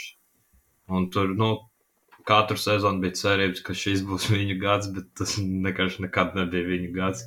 Katru, katru gadu viņi parakstīja iztērē lielu naudu un pēc tam aplauzās. Tāpēc es ceru, ka viņi atstās treneri pat pēc šīs sezonas. Vai arī viņi paraksta treneris, viņi paraksta kaut kādu nopietnu treneru. A, ko teikt, ja Laso tiktu parakstīts Milānā? Nu, kā es no, no, Milā, no, no Milānas perspektīvas teiktu, ka tas ir lielisks treneris, jo pirmkārt viņš ir pierādījis, ka viņš var lieliski strādāt ar šīm lielbudžeta komandām, kas ir īstenībā diezgan svarīgs, kā svarīgs punkts šajā visā, jo, jo manuprāt, tas kā cik treneris ir labs ar underdogiem un cik ļoti viņš tad spēja pārspēt ekspektācijas cīst. Cīst negarantē to, ka viņš labā komandā varēs to pašu darīt. Un tāpēc es domāju, ka Laso viņam būtu lielisks, jo Laso, kā mēs zinām, es naudas 11 gadus notrenēju reāli. Viss bija forši, visi bija apmierināti, izņemot reālu vadību. Es nezinu, kāpēc. Man, man divi jautājumi šajā sakarā, piemēram, nu, iztēlojamies scenāriju, ka mēs Sīnu atlaižam. Viņš beidz karjeru kā treneris. Diez vai. Es domāju, ka jā. Es- Viņš man pirmkārt, liekas, ka viņš jau jā, visu nu- ir izdarījis. Viņš visu, viņam nevienam nekas nav vairs jāpierāda. Viņš, Jau kādu laiku. Nu, jā, nu, viņš, viņš te Eirolīgu, man liekas, viņš CSK jau viņš ir uzvarējis. Nē, Tur, es, es vienīgi, es, jā, es kā variantu varbūt redzu to, ka viņš, piemēram, ka viņš atgriežas uh, kaut kur Amerikā, jo uh, es zinu, ka viņam dēls mācās Djuka, vai kā, laikam Djuka, pare, nu, tā kā Djuka universitāte. Sanāk, jā, tur viņš mācās, un viņš ir basketbola komandai kaut kāds neta menedžers vai kaut kas tam līdzīgs.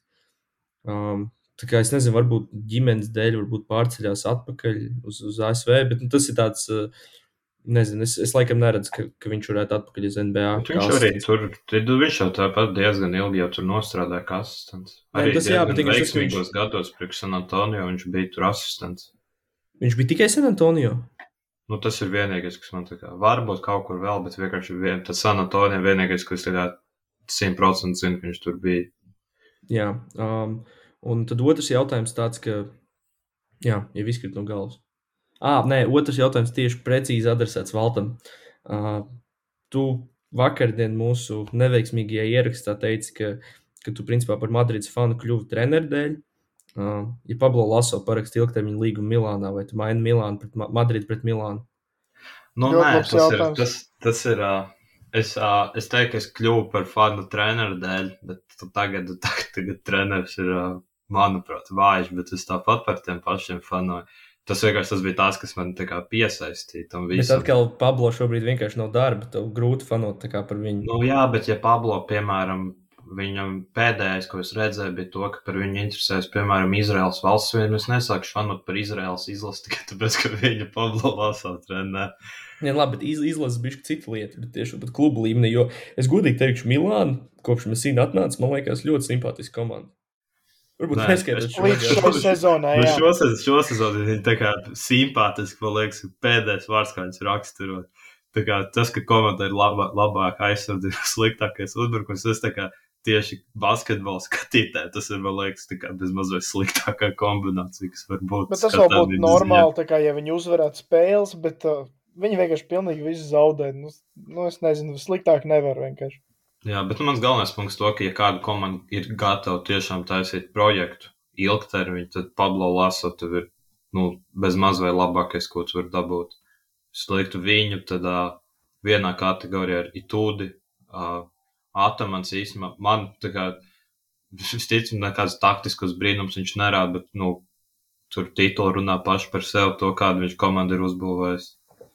Bet Tur uh, Atamanam es teiktu, ka mīnus tāds, kas ir parādījies uh, pēdējās sezonās, varbūt arī bija iepriekš, es varbūt tik daudz nesakoju viņam līdzi, bet uh, tas, ka, piemēram, tādi spēlētāji, ko viņi paraksta no, no citām komandām, viņi neatverās pie viņa.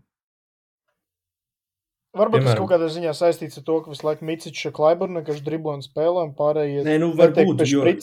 Jo viņam ir kaut kāds teiksim, tāds lokus ar spēlētājiem, kas ir tā kā viņa spēlētāji, Jā, kurus principā jā, viņš ir. ņemtu līdzi. Dunstons, Plais, Singletons, visi šie te. Jā, te- tas, ka viņiem ir. Singletons, tas pats Singletons vasarā aizgāja prom tagad, tagad kad uh, Polonāri neizdevās, viņi paraksta to pašu spēlēt atpakaļ, viņi zina, ko viņi dabūs, un tu zini, ka viss būs ok. un, un arī tagad mums sanāks izmantot šo vārdu. Uh, Makabī ir ļoti laba kontinuitāte. Un kāda Makabī? Kāda Vēl. kontinuitāte nekāda? Nē, jau, jau vēl vakar stundu, jau galva bišķi nestrādā. Bet labi, no, nu jā, nu, un tas, ka, ka visi šie te spēlētāji paliek, principā, ilgtermiņā pie, pie Ergina. Nu, tas jau visām šīm lielajām komandām tā ir principā standartā panākuma Nē, atslēga. kā- bet citur, citur biežāk mainās treneris vai kaut kas tamlīdzīgs. Nu, varbūt izņemot pēdējās sezonas ar, ar Barsu un ar, ar, ar Reālu. Nē, bet Um, tāpat, ja tu, ja tu nu, tīri par to kontinuitāti runā, tu atceries, piemēram, visus čempionus, kas ir bijuši pēdējā laikā. Tev bija tagad tas EFS, viņu to komandu būvēja. Lārkins ar Mīciņu bija, man liekas, pirms tam, pirms vēl titulu. Viņi pirmkārt bija jau vienā finālā spēlējuši, un viņi bija pirms tam jau bijuši kopā. Tas pats bija arī Fenerbakčai, bija ļoti ilgs projekts ar Obradoviču. Tad, uh, tiem pašiem okupantu klubam, arī tūdi viņiem arī tā kā kontinuitāte bija lieliska, jo tur bija spēlētāji, kas tur spēlē arī 5 plus gadus, tas pats reālam. Barcelona tagad to sāk ar Šaras, pirms tam ar to, manuprāt, bija kā bija. Bet pagaidām, arī- viens jautājums uzreiz, ko viņi ir uzvarējuši ar Šāras Eiropā?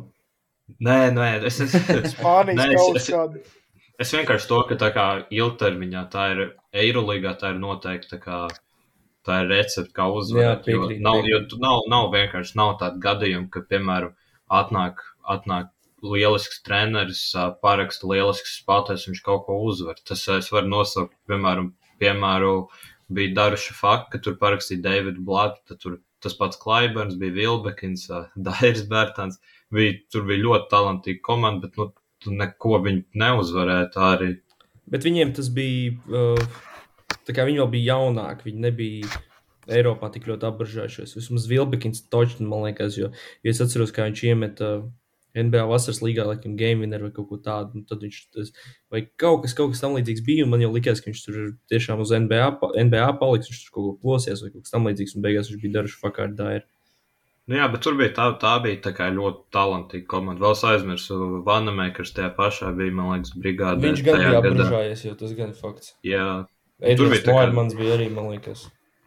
jā Anta Žižiņš, neatceros, bija tajās, vēl tad viņš, Viņš bija jauns, jaunais, jā, tas neskatās īsti. Bet nu, tas vienkārši tā kā mans galvenais punkts to, ka tu, tu nevari uzvarēt vienā gadā izvedot komandu. Visas, to, visas komandas, ko mēs redzam, piemēram, tagad Tobulā top 4, izņemot Feneru pašreizējo, tas ir ilgtermiņa projekts. Tas pats Olimpijāks arī tas pats stāsts ir. Tad Feners nevar uzvarēt šo sezonu. Nu, es teiktu, ka viņi neuzvarēs, nē. Es arī Es teiktu. Jā, jā. Bet vienkārši, nu, nu tie paši Olimpijākas jau viņi tā komanda ilgi būvēs. Plus vēl viņi jau pagājušajā gadā bija pirmo reizi Final Four.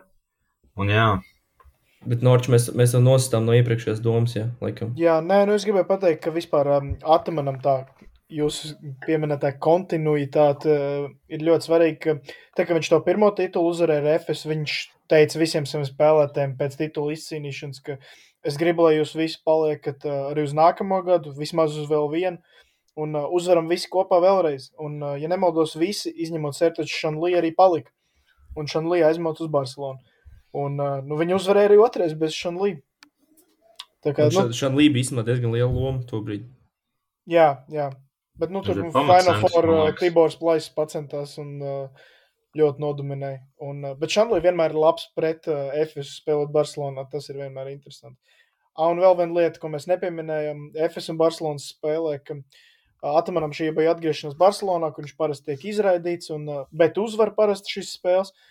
Un šoreiz, nezinu, pirms vai pēc spēles, bet viņš rādīja mm, tā teikt, pīsiņus, divnieciņus, ka viņam jau ir divi tituli visiem skatītājiem. Un pēc spēles un pēc uzvaras jau rādīja jau trīnieciņus, apmēram, sakot, nu, ka būs arī trešais tituls. Un viņš parādīja šos žestus, un tad kāds divas, trīs minūtes vēlāk uh, viņa dēls, ko mēs saucam par mazo erginu, arī pastaigājās pa centra apli, un arī viņš rādīja tribīnēm un visiem skatītājiem trīnieciņus, ka būs uh, trešais tituls.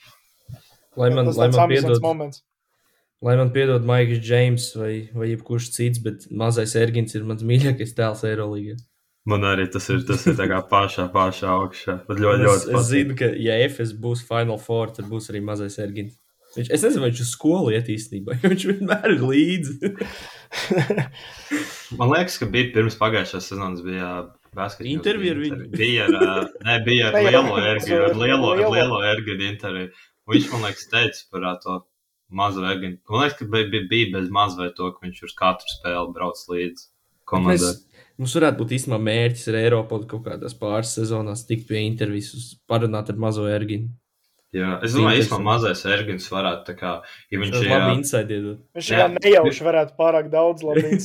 Ne, pirmkārt, labi insert, bet tas, ka viņš, es domāju, ka viņš varētu tā kā runāt angliski labāk nekā tēvs, jo viņš, ja viņš ir vairāk vai mazāk, viņš ir izaudzis gadu gaitā, tā kā esot apkārt visiem, piemēram, tiem amerikāņu spēlētājiem vai kaut kādiem ārzemniekiem. Viņš jau viņiem tā kā čoms ir. Cik tur var redzēt kaut kādos Šains Larkins, principā, labākais draugs viņam ir. Tāpēc es domāju, varētu būt īstenībā ļoti laba angļu valoda. Es gan nezinu, es kādreiz esmu dzirdējis, ka viņš runā vispār. Nu, viņš pagaidām nav pie mikrofona ticis un nav intervijā vēl bijis. Mums ir iespēja katrā ziņā. Jā, Nu, pēc 30 gadiem viņš būs EFS galvenais treneris. Es godīgi domāju, ka viņš, varētu, viņš varētu iet tēvpēdās, jo, jo es pieļauju, ka, ka tā nav viņam spiesta lieta braukt visur līdzi. Es domāju, viņam pašam arī tas ļoti patīk. Protams, ka patīk. Ja man piedāvāts arī braukt, tad nebūtu jādomā ilgi. Ok, bet laikam beidzot varam pāriet pie, pie 20. kārtas. Es piedāvāju sākt ar, uh, ar pašu pirmo spēli, ā, kur es godīgi pateikšu, izslēdzu kaut kādas 2-3 minūtes līdz beigām. Monako, pret, ā, Monako viesojās Fenerbahčē. Te laikam Maiks Džeims nebija klubā bijis. Tā, nu, viņš gan izskatās, labi nospēlēja, bet uh, nu, nu, tāda noša bija, jā, varbūt. nevar zināt, uh, informācija nav saņemta. Bet Ja- ja, šo spēles arī izslēdz ārā, jā, bija divas minūtes pirms beigām, jā, bija mīnus astoņi man nāk. Jā, no, tad arī kaut kāda cita spēle, es kaut ko citu arī aizslēdzu. Man liekas, tagad skatoties tās spēles, kas tur ir, man liekas, pārslēdzos uz uh, Barcelonu pret Baskoniju, tad Un jā, un tas pēkšņi vienkārši, es nezinu, kā viņi izdomāja atsist. Jo esi vēl joprojām nāc to galotni redzējis. Es nezinu, es, es godīgi nezinu, kas tur notiek. Pa, Pamatlaik galotnes arī neredzēju, bet, uh, ah, nē, es redzēju tikai to, kā, kā Maiks Džeims aizmet garām pamatlaik beigās, un pēc tam kā viņš brīkoja vēl, vēl overtime. Nu, tur būtībā diezgan vienkārši. Viņi noturēja četras aizsardzības pēc kārtas pie tā mīnus astoņi, un tad ar tādām tā kā AISO uzbrukumiem katrs spēlētājs pēc kārtas iemet savu pustālo vai lejup, un man liekas, ka ar četriem divīšiem arī tika līdz neizšķirtam. Un pēdējā uzbrukumā Maiks Džeims nolika no apakšgarām, un uh, viņš varēja dot piespēli Džonam Braunam, bet no ātrumā nenorēģēja. Bet uh, Džons Brauns ielika putbeku un uh, neizšķirts un pagarinājums. Tā kā es, es neizslēdzu, ticēju līdz galam un nākam. Es tieši gribētu teikt, ka tas no Maika Džeimsa tas bija slikts lēmums. Jo tur, no. ļoti, tur diezgan vienkārši varēja atmest, uh, atmest uh, šitam te, uh, kurš tur Braunam. bija. Braunam. Varēja viņam diezgan vienkārši atmest, kad viņš bija jau dabūjis gaisā, kas tur bija apakšā Heis Devis vai nu, kaut kāds garais, respektīvi, no, jā, jā, jā. no, no Fenerbahčas. Un, uh, tas, ko es redzu, kas man liekas, uh, ka, ko es esmu novērojis šajās crunch time, klaču situācijās, uh, Maiks Džeims, manuprāt, viņam ir tikai divas dimensijas, tikai un vienīgi. Tad, kad bija tā albu, kad viņi spēlēja to boxu, man ir kā loģiski, ka viņš izslēdzas ārā. Uh, viņš atdeva visas atslēgas Okobo, kurš arī nokārtoja, kurš ir cits arī viens no augstākajiem spēlētājiem Crunchtime pēc, pēc statistikas. Uh, tad viņam ir principā divas dimensijas. Vai nu viņš pats met, tādā tā kā cirvīti ieslēdzas un, un neredz neko citu, tuneļu vīziju, vai otrs ir, ka viņš ir principā ka kalpo kā dīkojs un, un visi cer, ka viņam izmetīs, uh, un viņš ir vienkārši bez bumbas. Es Bet, nezinu, kāpēc jūs piekrītat. Div, div, vienkārši divi varianti. Es skaidri piekrītu, jo, piemēram, ja ir 4 sekundes palikušas līdz spēles beigām un viņam ir bumba jau rokās, nu tajā mirklī viņš vairs neatmetīsies. Skaidrs, ka viņš gāzīs pa grozu kaut vai trīs cilvēkiem pāri un ļoti iespējams arī iemetīs. Bet nu, viņš vai nu atdos uzreiz, vai tā kā, tā kā Berlīnas spēlē, ja kad 10 sekundes pirms beigām viņš atdeva. Vai es īstenībā gribētu iet ar, es, grib, es gribētu ar šo iet pat nedaudz tālāk Un, uh, man liekas, ka tas nav tikai crunch tēmā. Man liekas, ka viņam tas ir uh, pat lielāko daļu spēles. Jo ik pa laikam var redzēt, ka viņš uh, kaut kad, piemēram, kad viņam vājāks sākums ir, kad uz viņu, es nezinu, nāk dubultīmos vai pat nevienmēr dubultīmos, ka viņš ļoti pasīvi dažreiz izstās uzbrukumā.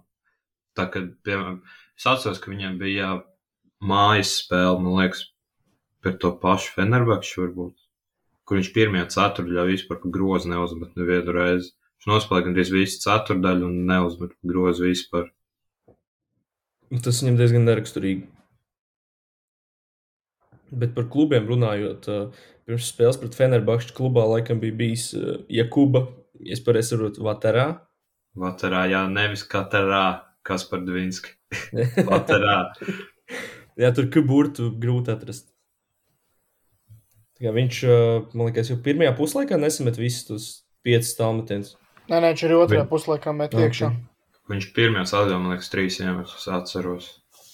Bet viņš kopumā, es īstenībā, es par šo laterā, es, es īsti nebiju nekad par to aizdomēs, bet man, es nezinu, kāpēc man liekas, ka viņš varētu būt jaunais spēlētājs. Jo viņam tā, tā, kā, tā loma ir diezgan epizodiska. Tur pārsvarā, kad ir pavisam pilns sastāvs, viņš tā kā uznāk, es nezinu, pāris minūtēm nokrampēt kādu pretinieku mazo aizsardzībā. Un tad ļoti epizodiski kaut ko arī uzmest. Viņam, ja nemaldos, viņam 29 gadi ir. To es biju diezgan pārsteigts. Šajā spēlē vēl bija tas, ka Jordans Lloyds pēc savas traumas ar sejas masku atgriezās laukumā. Un, nu, kaut kā viņam neaizgāja tas spēle. Viņš arī spēles laikā noņēma šo masku nost un tad mēģināja spēlēt bez. Bet uh, es nezinu, traumas dēļ, vai vienkārši tāpēc, ka spēle līdz galam negāja. Viņš otrajā puslaikā praktiski nespēlēja, un tad arī radās iespēja šiem citiem spēlētājiem. Un uh, Vilbekins, starp citu, diezgan labi darbojas aizsardzībā, un viens no iemesliem, kāpēc Lloydam neizdevās tas pirmais puslaiks.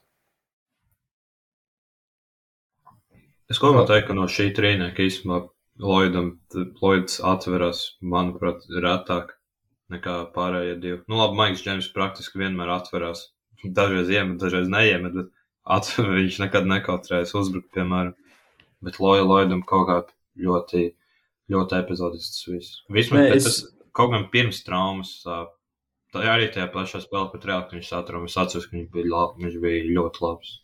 Bet es gribētu teikt, ka, piemēram, tīri atceroties, kāds viņš bija Valencijā, kāds viņš bija uh, Cervēnas zvezda un kāds viņš vēl bija pie okupantiem, es teiktu, ka viņš ir, uh, viņš ir noteikti lielāks uh, kreators partneriem nekā Maiks Džeims un, manuprāt, arī Elīsu Kobo.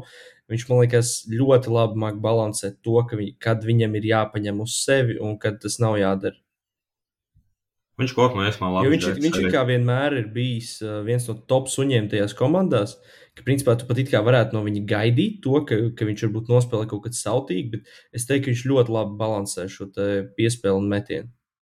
Es teiktu, ka viņš arī labāk bez bumbas spēlē. Ja Džeimsam un no Kobo vajag bumbu, lai viņi būtu tik veiksmīgi, Lloyds var arī 5 minūtes nepieskarties bumbai un tāpat uh, izdarīt aizsardzībā savas lietas. un Tad pagaidīt, vienkārši pacietīgi sagaidīt tās 5 minūtes, tad saņemt bumbu un tik un tā ar vēsprātu uztaisīt situācijas gan sev, gan partneriem. Nu, Es vēl- domāju, ka Kobo arī diezgan labi bez bumbas spēlē. Nu, viņam jāpierod liela- šo sezonu.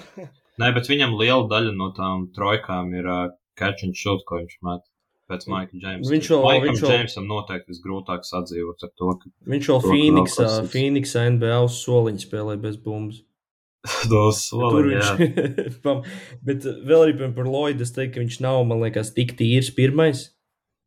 Nu, kā, kā piemēram Maiks Džeims, tīri no, no tāda aspekta, ka, ka tu neredzi Maika Džeims baigi daudz spēlēt pat divi. Nē, nu. Maiks Džeims ir ļoti izteikts, tā kā ball dominant, ja tā var teikt. O, Ka Kobo viņam- vēl, vēl es redzu pa divi, bet, uh, bet uh, Džeims nē. Pat ja viņš it kā nepārvalk pāri un, un spēlē kā bez bumbas uzbrukumā, tāpat zina, ka Tas viņš tā ir kā numurs. Stefs Goldens teica arī, ja viņš Jā, nepāriet pāri, tas nenozīmē, ka viņš nav point guard. Nu, tur, tur vēl viņi ar diviem saspēkiem spēlē. Vēl. Labi, tagad neesmu tik daudz redzējis, bet ziedu laikos Dreamlands bija diezgan labs point forwards. Jā, Kad viņš vēl meta tālmetienus ar mugursonu. Šo vēl tagad, man liekas, met ar mugursomu, ne? Es, eh, es kaut ko redzēju, man liekas, ah, man liekas mēs tev tieši skatījāmies Golden State pret, eh, pret eh, Washingtonu. Kristaps viņu baigi nerespektēja. Viņš ļāva viņam atkāpās baigi, un viņš baigi nemet. Tur, man liekas, tur tā kā tas īstenībā tā kā psiholoģiski īstenībā diezgan interesanti lieta, ko darīt pret pretinieku.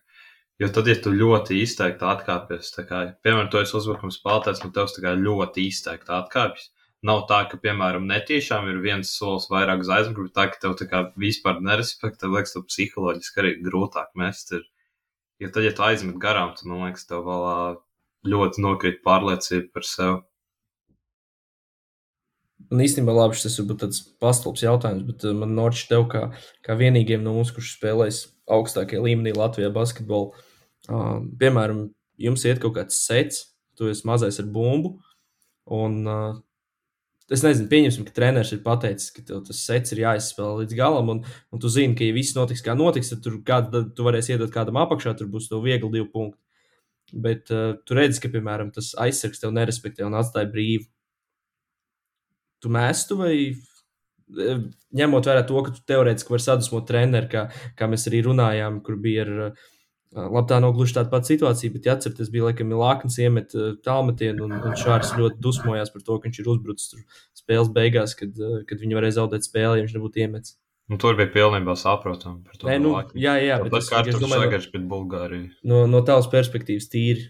Ka, piemēram, tev ir, nezinu, tev ir noteikts uzdevums, ka tev ir jāizspēlē tas, tas sets līdz beigām, piemēram, pēc timeout, tā saucamais ATO. Um, bet tu netiec respektēts, un tu vari uzmest. Zinot to, ka tev ir tīri solīts metiens, ir, cik es atceros. paldies. Jā. Jā, tas līgā bija vismaz. labi, labi. Um, nē, es, es mēģinātu izspēlēt to setu visticamāk. Uh, nu, es nezinu, ja pretinieks tev nerespektē un ļaut mest, ļauj mest, nu, tu varēsi jebkurā mirklī uzgāzt pa grozu. Ja, un, uh, nu, pamēģini izspēlēt setu, paskaties, ja ir, tad izspēlējam setu, mēģinam tādā veidā gūt punktus. Ja nav, un uh, tu joprojām ne, netiec respektēts, nu, tad iegāz to trojku un lai viņi saprot, kas ir kas. Tā, tā, saucamais roka lejā, vīrs lejā. Ja? Jā, jā nu tāds ir mērķis. Bet, ok, 20. kārtu turpinot. Uh, jā, Virtus man, es negribu baigt daudz par šo spēli runāt, bet uh, viņi man ļoti patīkami pārsteidz. Un, jā, es uh, ierosinu mums uh, šīs ir trešās ceturdaļas. Viņš šajā spēlē atkal bija briesmīgi trešajā ceturdaļā, ļāva Panathinaikosam atnākt atpakaļ. Es teiktu, ja kāda komanda ir eh, ļoti švaka pēc, eh, pēc puslaika pārtraukuma, tad mēs to varam saukt par virtus sindromu. Var, varbūt es, es viņiem, protams, vairāk sekoju līdzi nekā, nekā citā, citām komandām, bet uh, man tas ļoti izteikti no, no viņiem nāk, ka viņi ir drausmīgi pēc, uh, pēc pārtraukuma. Un vēl kas, neraugoties to, ka viņi pārspēja Panathinaikos tieši virtus sakarā. Nedēļas nogalē, ja nemaldos pret Brindisi vai, vai bija Sasari pretī. Viņi zaudēja no plus 24. Tā kā, tas, tas to, ar to varam apsveikt Sergio Skarjolo vadīto brigādi. Bet labi, par šo spēli laikam tad nav baigi tur ko runāt, bet uh, mums bija vēl Madrids Reāls pret Olimpijakos. Valts, varbūt kaut kas no tavas puses. Nu, spēle bija, bija, bija, bija bēdīga. Bet uh, tur šoreiz pat ir tīri puslīdz objektīvi iemesli, kāpēc tā bija. Jo pirms mača bija izkrituši abi divi saspēlnieki, Viljams Goss un, un uh, Čačo. No balda arī bija izkritis, bet nu, tas nav tik liels zaudējums, manuprāt, šai komandai. Un uh, tad uzbrukums īstajā sāpta nedaudz tā kā, tā kā Milānai mokoši. Tur nekas īsti nenotika.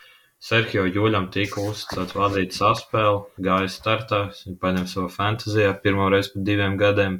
Man liekas, to, ka tagad, kad viņam liela iespēja, viņš varētu aizdīt labu maču, viņš uzmet 2-11, un viņš arī kopumā, manuprāt, nav īsti pārāk labs spēles veidotājs. Un, un tur grūti pēc kaut ko komentēt. Diezgan, diezgan bēdīgi. Arī tā kā aizsardzībā īstenībā bija pāris lietas, kas manā nepatika. Piemēram, to, ka viņi atļauj iet cauri Šakīlam Makiskam, nevis mest trojku, kas ir lieliska, lieliska lieta tev kā aizsardzības komandai, ka tev Makisiks met trojku. To viņi izdomāja, ka viņi to viņam noņems nost un labāk, lai viņš iet uz apakšu, kas viņam nestrādāja ne šitajā spēlē, ne arī viņi to kaut ko līdzīgu viņi mēģināja izpildīt arī, kad viņi mājās spēlē pret Olimpijākas. Un tad par divām spēlēm nav, nav vēl, man liekas, nonāks pie secinājuma, kā viņi sekt īsti. Un, un uh, es nezinu, ko vēl. Man te ir jautājums tev, kā Madrids Reāla fanam. Tagad Olimpijākas divreiz vinnējuši uh, šo sezonu. Cik ļoti uztraucies tu būtu, ja ceturdaļfināla sērijā Reālam būtu jāspēlē pret Olimpijākas?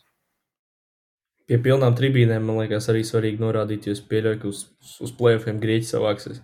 Jā, lai gan es nezinu, no vienas puses šis nav tik reāls scenārijs, jo šobrīd šīs komandas dala pirmo vietu, bet nu, tā teoretiski, ja nu jāspēlē sērija, kā jūs tos valdat?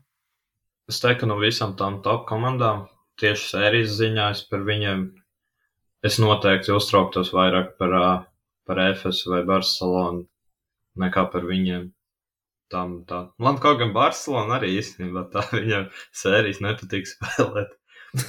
Final Four arī īsti ne līdz galam. Tāpēc, nu, nē, no Olimpijākas kopumā tad komanda vienkārši, ko viņu noteikti, viņi nopelnījuši respektu. Jo viņi arī tiešām viņu uzbrukumā ļoti labi spēlē. Uh, tiešām lieliski saspēlējuši, visi viens otru pazīst, kas tā kā ko nevar arī nenovērtēt. Bet es teiktu, ka tas nav pats, pats sliktākais pretinieks, kas var būt. Jo arī šajā spēlē reāls uzmetā 3-2-5 tauntiens, piemēram, kas tagad tas, tas nenotiks regulāri. Viņiem pietiekami daudz talantu, pietiekami daudz labu metēju, lai viņi varētu mēst zolīdāk. Tāpēc es, jā, par Olimpijākus tik ļoti neuztrauktos kā par FS vai Barcelonu. Olimpijākas arī ir eh, principā labākais dots līgā, produktīvākais dots līgā statistiski. Eh, es būtu domājis, ka tas ir Lukas un, eh, un, un Vezenkovs. Viņu dots, bet tas ir Tomas Volkaps un, un, un Vezenkovs. Bet no manas puses par šo spēli es gribētu teikt, ka priekš manis tas bija tāds statement game no Olimpijākas puses, tīri tā iemesla dēļ, ka Viņiem, es teiktu, ka iepriekšējā mēneša laikā, man liekas, viņi bija zaudējuši Asvilam, viņi bija zaudējuši Zvezdai. Uh, viņiem arī vēl nedēļa iepriekš bija grūta spēle Boloņā. Uh, viņi tad vēl bija zaudējuši Monako. Uh, un tad, ok, viņi bija sagrāvuši Milānu un Panathinaikos, kas ir nu, pastarīts, principā, ar ko tu arī rēķinies. Un tad priekš manis, kā, kā cilvēku, kurš ir, es nezinu, man varbūt tie grieķi nepārāk, bet es tā kā skeptiski, kā jūs zinat, es viņus plēfos neredzēju. tā kā es uz viņiem tā skeptiski raugos, un tad šis jā, priekš manis, es teiktu, bija tāds, tā kā, jā, statements no viņa puses. Mēs esam šeit, mēs esam for real, un jā. Bet es teiktu, tiešām, ka šī spēle ir vairāk vai mazāk izņēmums. Tā kā, nu, tur tā kā nav tik liela starpa, starpa starp šīm komandām, kā to rāda gala rezultāts, manuprāt. Bet uh, sezonas sērija ir 2-0. nu, diemžēl, jā. Nē, nu, Nē, nu vienkārši es, es tomēr, es, es tāpat raugos pietiekami optimistiski uz nākotni. Ja neskat man treneris un Juļs, šis dots man nepatīk īsti. Bet vispārējais es teiktu, ka man ļoti apmierina. Starp citu, piemēram, Nigel Williams Goss, starp citu, reāli faniem īstenībā ļoti nepatīk. Es īsti nezinu līdz galam, kāpēc, bet tad, tad kad pēc spēles lasu Instagram komentārus, vienmēr tiek pieminēti Juļs, Balde un Williams Goss. Par Williams Goss īsti nesaprotu, kāpēc. Manuprāt, viņš ir pieteikti no tiem saspēlniekiem, viņš ir 100% labākais aizsardzībā.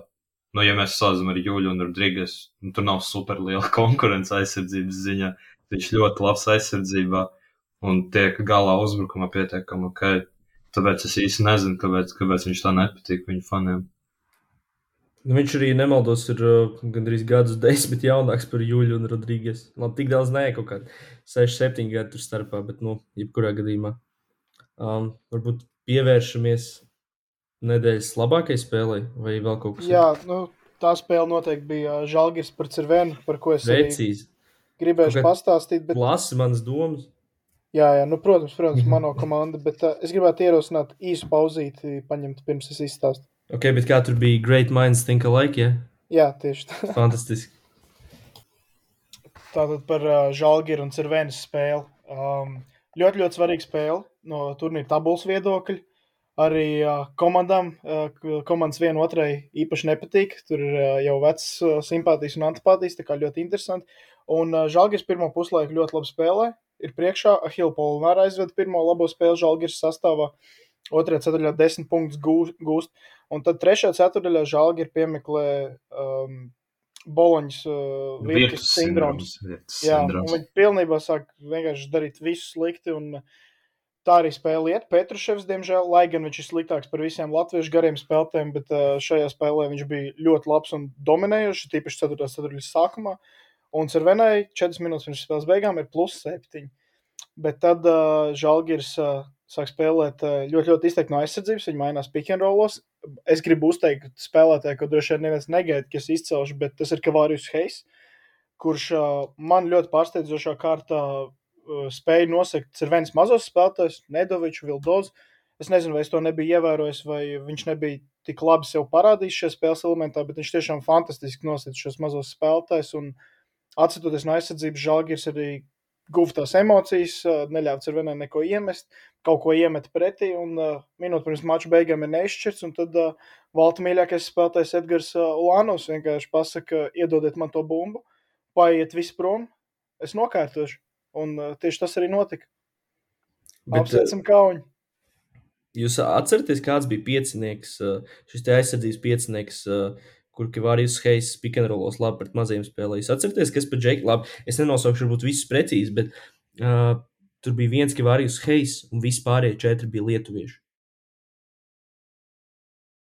Jo Rolex bija malā, uh, Polnara bija malā. Polnara vispār uzspīdēja tikai otrajā ceturdaļā uh, ar tiem saviem desmit punktiem, uh, kas tur vēl no leģionāriem. Uh, nu, Taylors arī nebija. Bija, man liekas, Dīmša, Brasdeļķis, Ulānos un Butkevičs. Jā, jā. Šāds te četrnieks no lejšiem. Tā kā es domāju, mēs paši esam bijuši, kur būtu kritizējuši to leju kvalitāti, ka viņi varbūt neatbilst Eirolangai, bet es domāju, ar šo spēli viņi pierādīja, ka varbūt pat, ja viņi tur nav lielākās zvaigznes, varbūt neskaitot Ulānovu, kurš šobrīd, es gribētu teikt, reāli pretendē uz, uz zvaigznes statusu.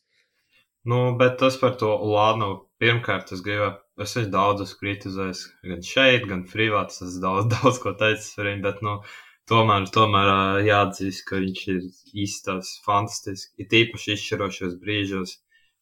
Tiešām pavalk komandu, lielisks kapteinis. Bet uh, par to pašu Lānu runājot, es teiktu, ka viņam tāds pats status bija jau pirms, cik tas sanāk, četriem, pieciem gadiem, kad viņš kad bija šāds.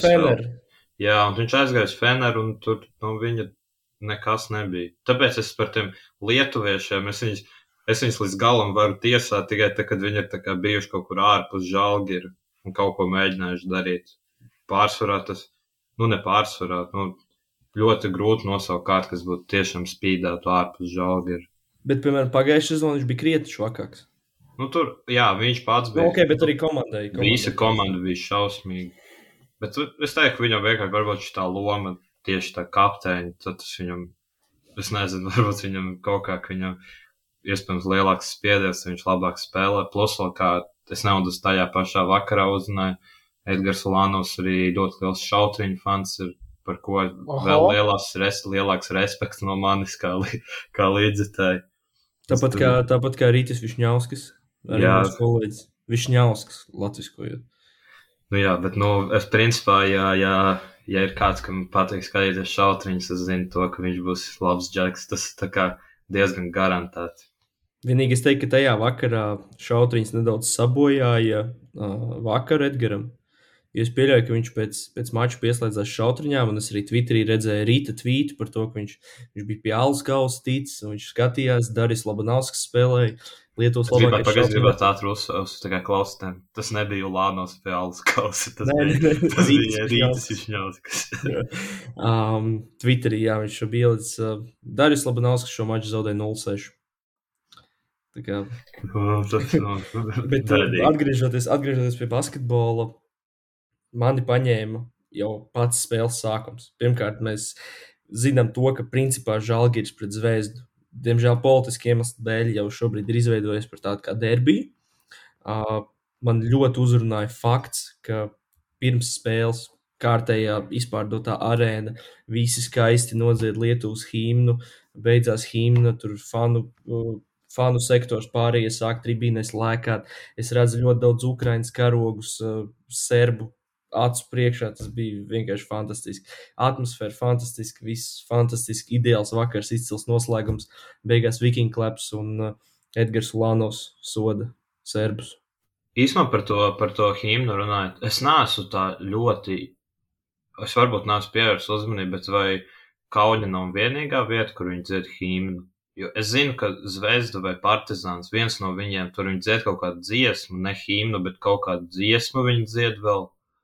Ā, Es atceros, kad bija Bars ar Efes, tur pirms spēles kaut kāda sieviete kaut ko dz- es nezinu ko, bet tā kā es nezinu, tā, tā man liekas nav gluži tā kā ierasta lieta Eirolīgā. Barcelonā gan jau kaut kādu katalāņu dziesmu dziedāja. Nu, Viņas tur ļoti iespējams. Tur, Spāņu dziesmu tā visticamāk nebija. nu, tā bija kaut kāda, ko tie visi, visi spāņu fani zināja. Tas Bet, gan jau uh, kaut kas pietiekami populārs. No, no Boloņas pieredzes var teikt, ka viņiem nav himnas.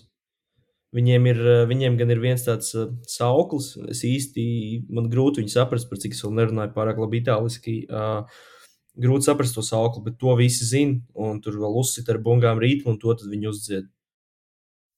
Jā, jo tā es neesmu tā kā īsti tā pamanījis kaut ko citu. Es zinu, ka Madrids reāli vienmēr skan viņa himnu, bet viņi viņu nedzird, viņi vienkārši skan ieslēgts tā kā, tā kā uz tumbām. Bet Vislabākā, vislabākā dziesma Eirolandā laikam ir uh, Devotion. Jā, es tieši gribēju. Ah. Tā ir fantastiski. Tā, tā dziesma tiešām. Tā kā, ja es skatos, piemēram, basketbolu, tas ir tieši tas, kas man uzvelk tieši tam visam, pievelk vēl vairāk klāt. Man ļoti patīk. Man arī Man- ļoti patīk. Es, piemēram, nezinu, vienkārši tas himnas moments un uh, Eirolandes, un tagad stāvoties tādi piecinieki un tiesneši un, un klausās to himnu. Es tieši mirkļos domāju, ka, nu, es labprāt arī stāvētu šeit Eirolandes mačā, starta pieciniekā, klausītos šo spēli, uh, uh, himnu un dotos aizvadīt labu maču. Nu, ļoti, ļoti forši, tiešām patīkami.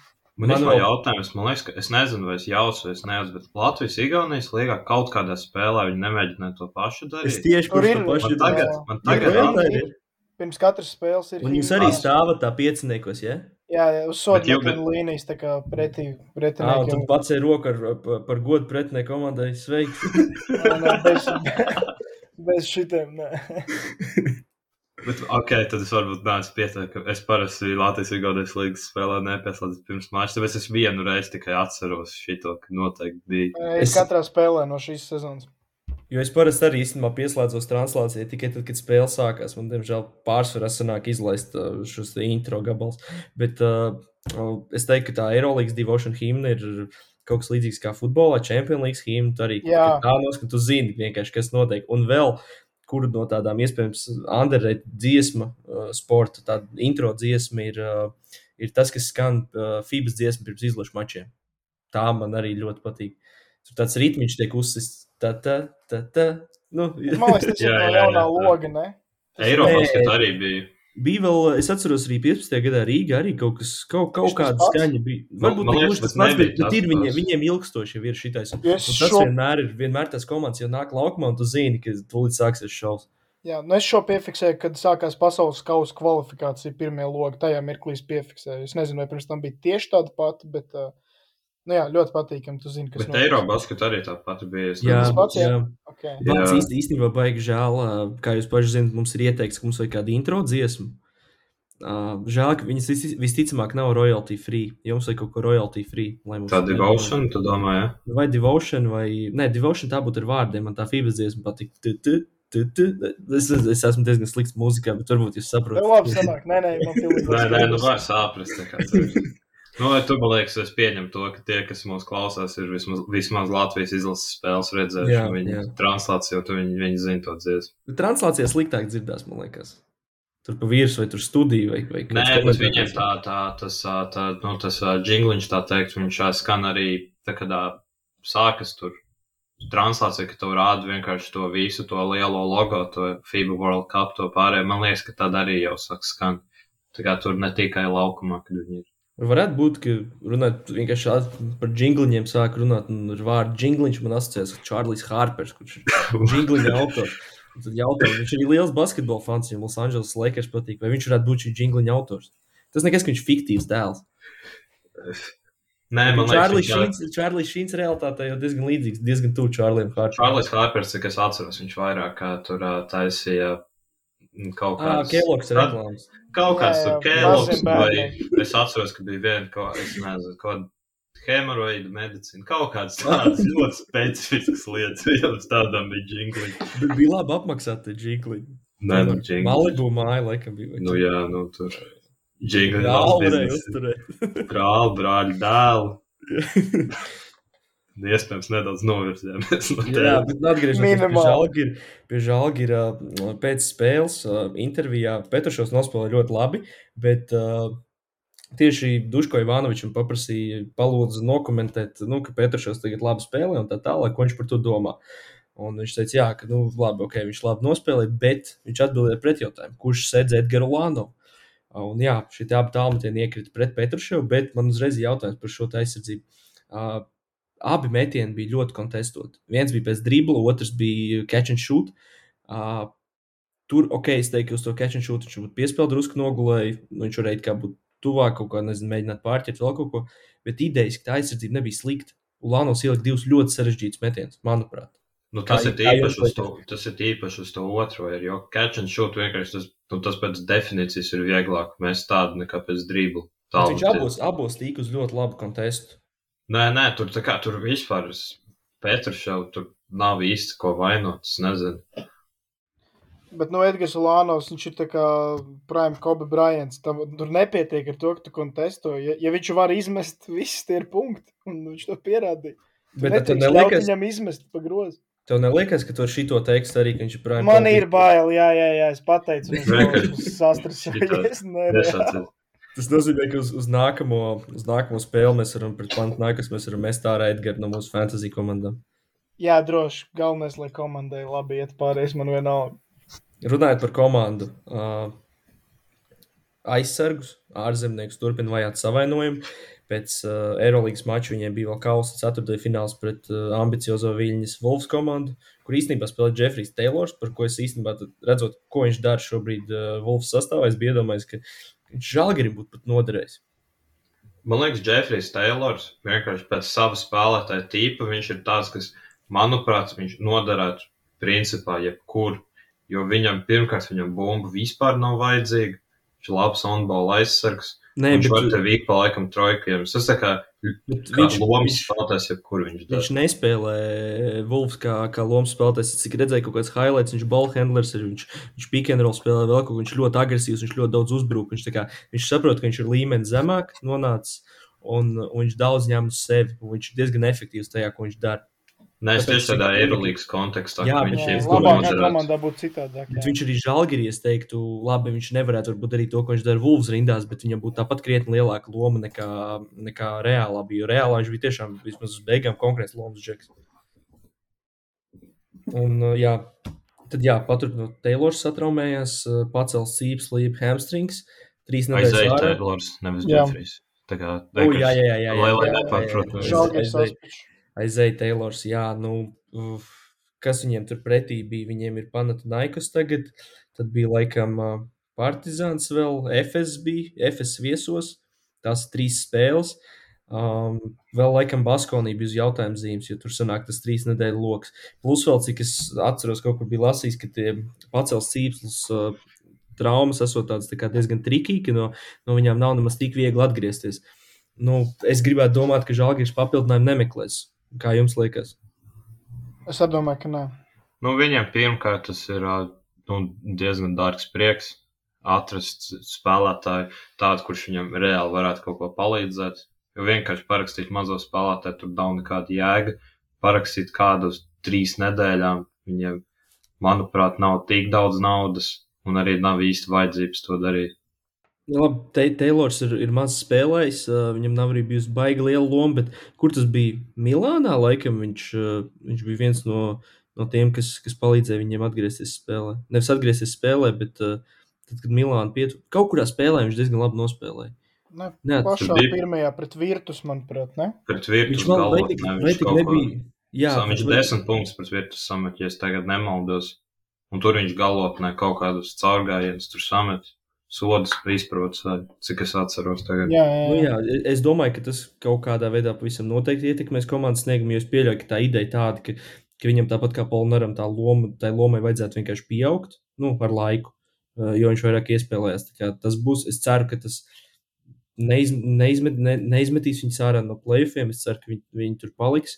Un, un otra lieta viņiem pēc eh, nu, jau kaut kādām piecām, sešām dienām šajā nedēļas nogalē viņiem iet prom vēl viens aizsargs, leģendārais Mans Kalnieks, beidz karjeru. Nu, es nezinu, priekš manis. Es atceros, varbūt man liekas, Šāras bija vēl izlasē, tad, kad, kad Kaspars Kāmbal nāca laukumā ar boxe cimdiem, un kad, kad laikam, Janičs iemet pēc blūma sodiņa uz uzvaru. Tad, man liekas, vēl. bija, tad vēl bija, man liekas, Šāras, bet, bet pēc tam Mans Kalnieks, man liekas, ir, nu, tāda stabilākā Lietuvas izlases vērtība, kas ir bijusi. Viņš arī viņiem tomēr sarūpēja pēdējo Eiropas čempionātu, principā vienpersoniski ar darbībām aizsardzībā, ar, ar blociņu, tāpat kā Nikolā Batums Olimpiskajās spēlēs pret Klementu Prepelišu. Tad līd, līdzīga situācija bija. Uh, es nezinu, tiešām leģenda, manuprāt. Jā, viņš ā, man arī tā, tā uzreiz kā pasaka stabilākās Lietuvas izlases vērtības, viņš nāk prātā ā, Jonas Mičulis un Mindaugs Kuzmīnskas. Kuzmīnskas īsti nav tā kā kaut kāda superzvaigzne, bet man vienkārši viņš uzreiz, principā, kā pasaka Lietuvas izlase, viena no lietām, pirmajām lietām, kas iedavās, ir Kuzmīnskas blondā galva. Es- es teiktu, Jā. ka viņiem bija kaut kāda brīdi, viņiem bija, bija problēmas ar aizsargiem. Viņiem tur garie kaut kādi trešie numuri vienmēr kaut kādi ir atradušies, bet, bet tieši pēc šādas viņiem bija kaut kādas tāds, nu, teiksim, problēmas ar, ar aizsargiem, ka nebija neviens tāds, kurš bija ļoti stabils kaut vai otrais aiz, ā, aiz, aiz kalniešu. Un viņš vienmēr bija, viņš vienmēr spēlēja. Viņš, ā, ja nemaldos, pasaules kausa bronzas, divi sudraba Eiropas čempionātos. Nu, viņš vienmēr ir bijis tur un, un, un veidojis to Lietuvas vezumu. Un arī, arī Krāņštaimā, man liekas, viņš ir bijis pietiekami efektīvs. Un tiešām, nu, visu cieņu viņam un super karjeru. Jā, tikai žēl, žēl ka nobeidz tagad jau. Es īstenībā nezinu, kāpēc, kāpēc viņš nobeidz tagad, nevis sezonas beigās. Jā, tas ir interesanti. Bet Tāpēc, viņš teica, ka Žerārs Pikēns un uh, Barcelonā futbola Varbūt- karjeru varbūt, noslēdz uh, atkal novirzīsimies no tēmas, bet varbūt Gerārs Pikē noslēdz karjeru, jo viņš zināja, ka nāks ārā Šakīras dziesma. Nu, varbūt, bet, bet tur jau problēmas ar Šakīru viņam sākās jau, jau pirms viņš, uh, pirms viņš pabeidz. Bet īstenībā labi novirzīsimies, bet man šis jāpasaka. Es zinu, kas ir viena problēma ar to Šakīras dziesmu. Man pat nezinot spāņu valodu. Okay? Es godīgi pateikšu, es noklausījos ar subtitriem. Es sapratu, tur diezgan, diezgan, diezgan pamatīgi uzcepts tiek Žerārs Pikē šajā dziesmā. Kā mēs zinām, viņš ir Ferrari nomainījis pret Renault Twingo un Rolex pret Casio pulksteni. Es nezinu, vai es redzēju, bet viņš, viņš at, Žerārs Pikē pēc tam, Viņš kaut kad uz kaut, kā, kaut kur bija atbraucis ar Renault Twingo. Viņš, viņam ir Spānijā kaut kāda Seven Aside futbola līnija. Jā, jā, viņš atbrauc ar Renault Twingo. Viņam bija vēl Casio pulkstens. Tā, tā es lasīju. Nezinu, vai, tā, vai tas nav kaut kāds fake news, bet jā. Um, jā, tā, jāatgriežas pie, pie kalniešu. ah, nu jā, jā. Ah, par to dziesmu pabeidzot, jā. Uh, viņi ir diezgan lipīgi. Nu tā, cik es dzirdēju, sociālos tīklos vēl pilns, tagad man pat kaut kad pieķēra dušā vai kur galvā skanē. Bet, nu labi, tad. labi, laikam jāatgriežas pie basketbola, pietiks par, par popkultūru. Uh, jā, Kalnietis, interesanti, jā, ka noslēdz tagad, bet viņam bija tā intervija Žalgiris televīzijai, un uh, tur viņš stāstīja, ka vienkārši ka viņš nejūt vairs to, ka viņš var dot pienesumu komandai. Viņam, protams, krietni tā loma samazinājusies. Pagājušā sezonā jau bija diezgan neizteiksmīga Eirolandā. Protams, visai komandai tur bija slikti, bet uh, vēl arī tas, ka, ka viņš pats nejūt to, un arī viņam nav vairs nekāda loma. Un, un laikam tas ir tas brīdis, kad aiziet. Lai gan arī, kā mēs runājām, viņš joprojām visticamāk būtu noderīgs tādai komandai kā Gargždai Lietuvā. Vai nu, jebkurai citai, piemēram, kas labi, varbūt nevežim nē, jo viņi tur uz jaunajiem koncentrējas tā tālāk. Bet kaut kā īstenībā, jebkurai citai komandai, kur kāds jauns lietuviešu aizsargs palīdzētu noteikti. Es domāju, tajā pašā Champions League rītas rindās. Šovakar tieši skatījos rīts pret manu reisu. Vēlos pateikt to, ka Mārģīrs Normans ir, principā, ja tu uz viņu paskaties, nezinu viņa pasas datus, ir skaidrs, ka viņš ir leids. Paskaties, kā viņš sēdz vēl kaut ko. Vienkārši tur, tur vi, viss caur viņam rakstīts, ka viņš ir lietuvietis. Jā, man bija, es ieslēdzu tieši to spēli uz uh, kaut kādām pēdējām piecām minūtēm, laikam, un viena no pirmajām lietām, ko es redzēju, bija, šis Normants, viņš, uh, viņš, skrē, viņš uh, man reiz iemet grozu, Viņi izspēlē gala autorītas, un viņš vienkārši skrēja kā pa taisnu uz grozu. Vienkārši nekur neskatoties, niegāja vienkārši kaulā, dabūja divas sodiņas. Un tur vienkārši tur tikai uzreiz var pateikt, ka viņš tiešām lietu. Tip, tipiskākais lejušu kals. Nu, tur... Jā. Jā, Lietuva Jā, Mārcis Steinbergam labākā spēle karjerā League. 16 punkti. Ah, okay, labi, bet nu, tajā spēlē nekas neizšķīrās. Taisnība, taisnība, sorry, jā, pareizi. Bet tajā spēlē jā, nekas neizšķīrās. Tad uh, sāka. Ja neizšķīrās jau kurā vietā finišē grupā. Man reizē nebija jau tik traki. Man reizē izšķīrās, jā, labi. Pavisam jā, nopeldēju, sorry, taisnība, taisnība. Bet jā, um, laikam par žāgu ir viss.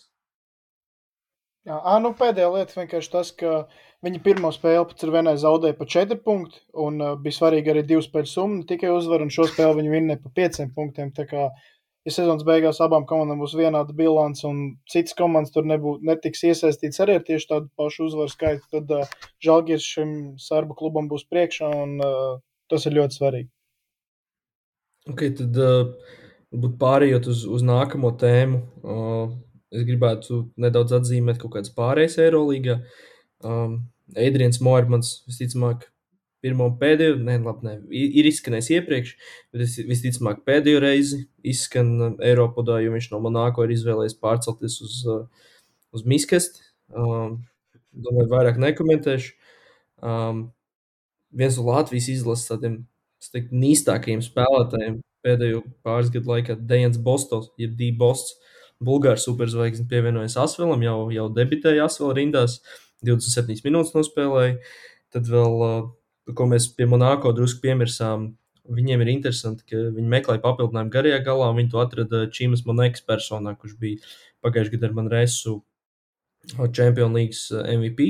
Un tad viņš bija izmēģinājis spēkus NBA. Tur viņš laikam divās, nu, baigās spēlēs bija ticis pie teikšanas Sakramento, kur Domants Sabons ārdās un pārsvarā spēlēja G līgā un uh, tagad viņš ir Monako.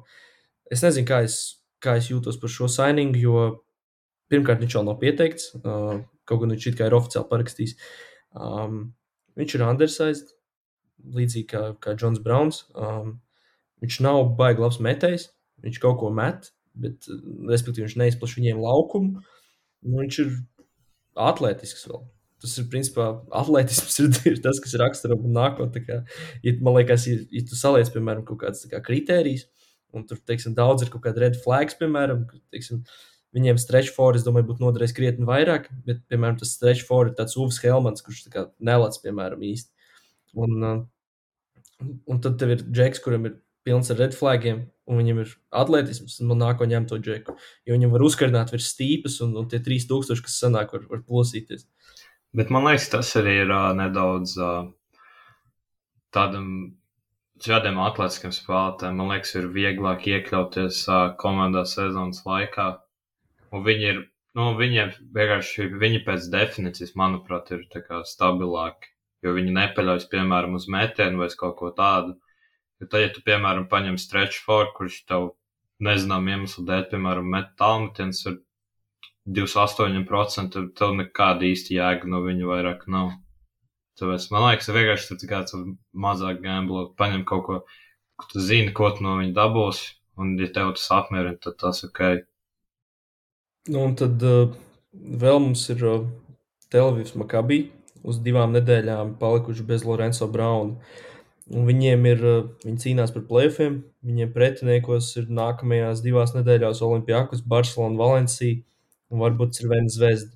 Kā jūsuprāt, tas izmaina viņu izredzes, ja viņi, viņi pazaudē labāko spēlētāju uz divām nedēļām? Es zinu to, ka es fantasy noteikti ņemšu Veidu Baldvinu, bet uh, tas ir. Vai Bonzija Kolsona viņiem? Jā, Bonzijas Kolsons arī labs variants. Nē, nu es domāju, par tā Barcelona Olimpijākas viņa jebkurā gadījumā nebūtu favorīta ar vai bez Lorenzo Browns neko super daudz nemaina. Tur Bet, bet viņš palīdz tajās spēlēs pavisam noteikti. Jā, bet Nē, nu, palīdzēt, palīdz. abas divas, un jūs zināt, kā es jūtos par izbraukumiem, tur ir uh, Eirolīgas sakarā. Nu, ļoti, ļoti grūti vinnēt, un bez Lorenzo es teiktu, ka bez variantiem nākamās divas spēles ir zaudējumi Makabī komandai.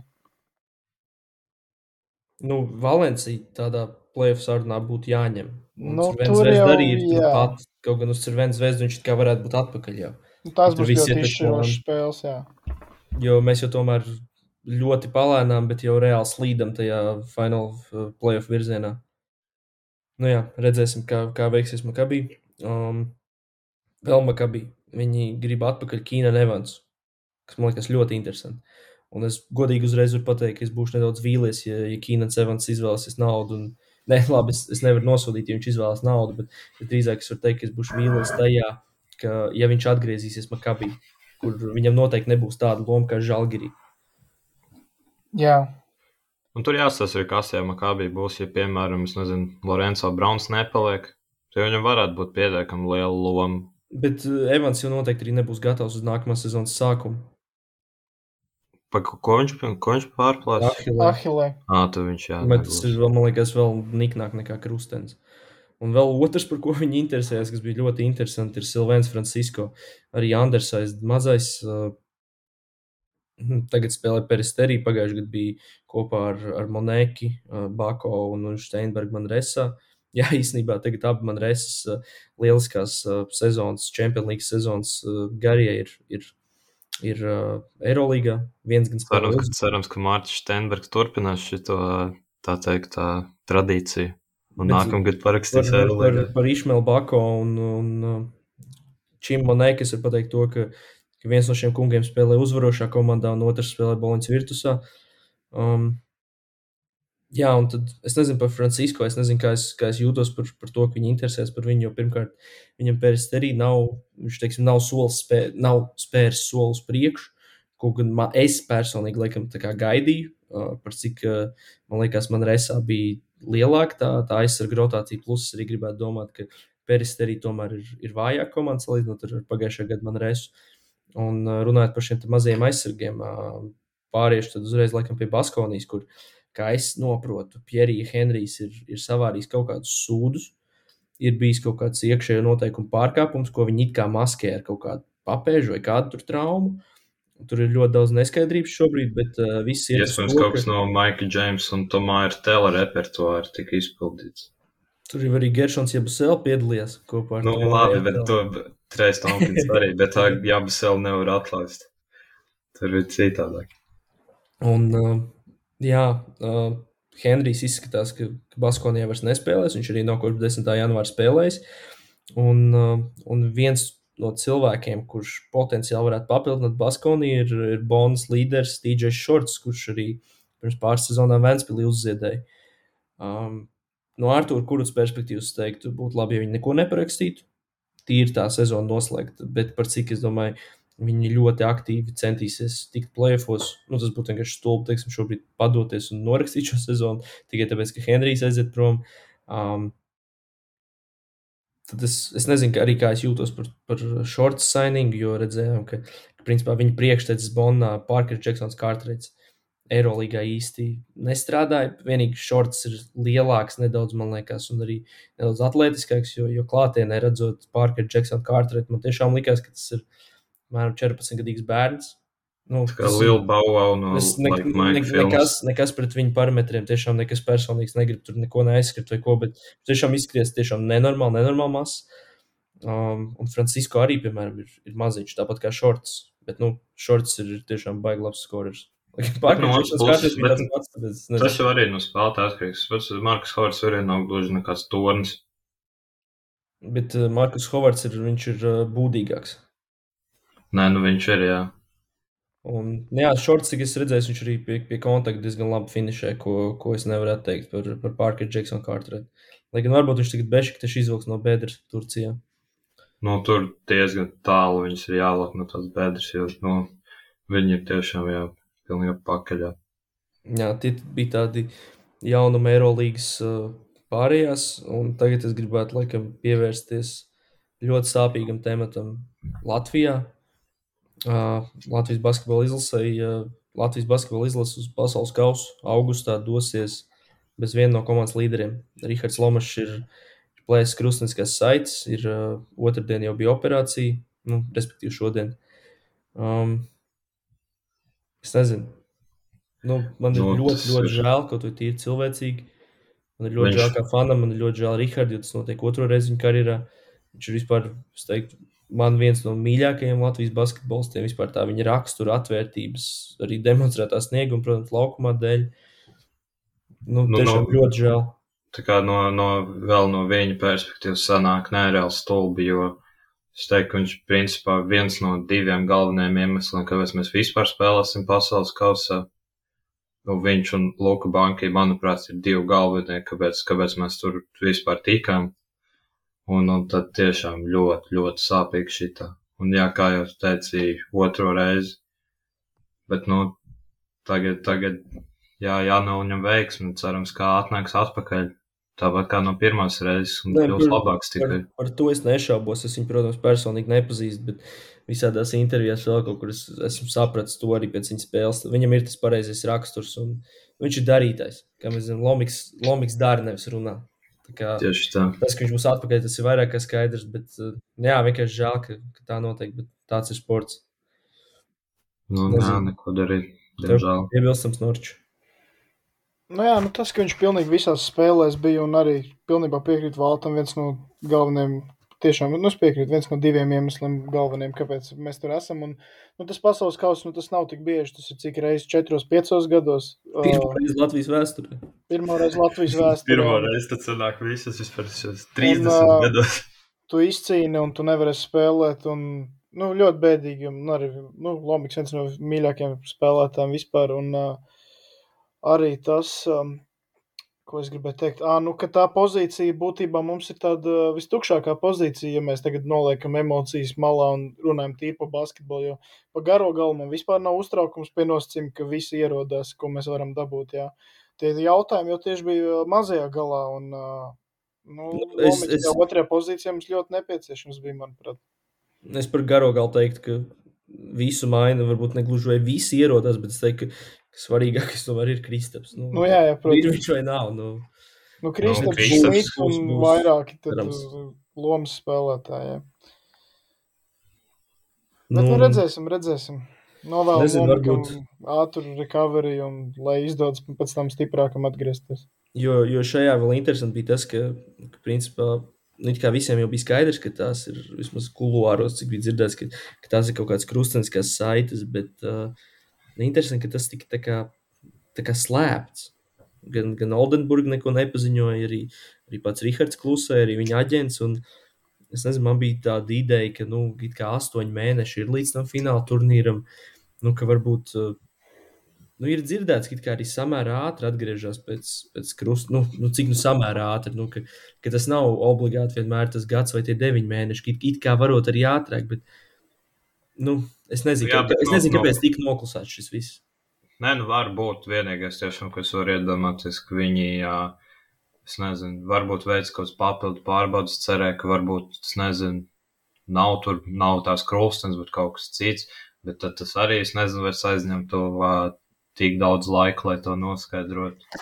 Un arī no, no, nu, tagad no viņa paša perspektīvas, es nezinu īsti, vai tas, uh, Nu, mēs, protams, kā fani gribētu, lai viņš spēlē tajā pasaules kausā, bet no viņa paša perspektīvas tas noteikti nav pats labākais censties tā kā pa katru cenu atgriezties kā uz pēc iespējas ātrāk tieši uz to turnīru un tad riskēt vēlreiz savainoties. Pat ja kā tas ir, nu, vienkārši piemēram, tas, tas arī turnīrs- futbolā, man liekas, Luis Suarez pirms uh, 18. gada pasaules kausa, man liekas, ka viņam bija krustens pārauts, un tad viņš kaut kā tomēr atguvās laicīgi uz to turnīru. Un viņam tur bija kaut kāds pusgads, man liekas.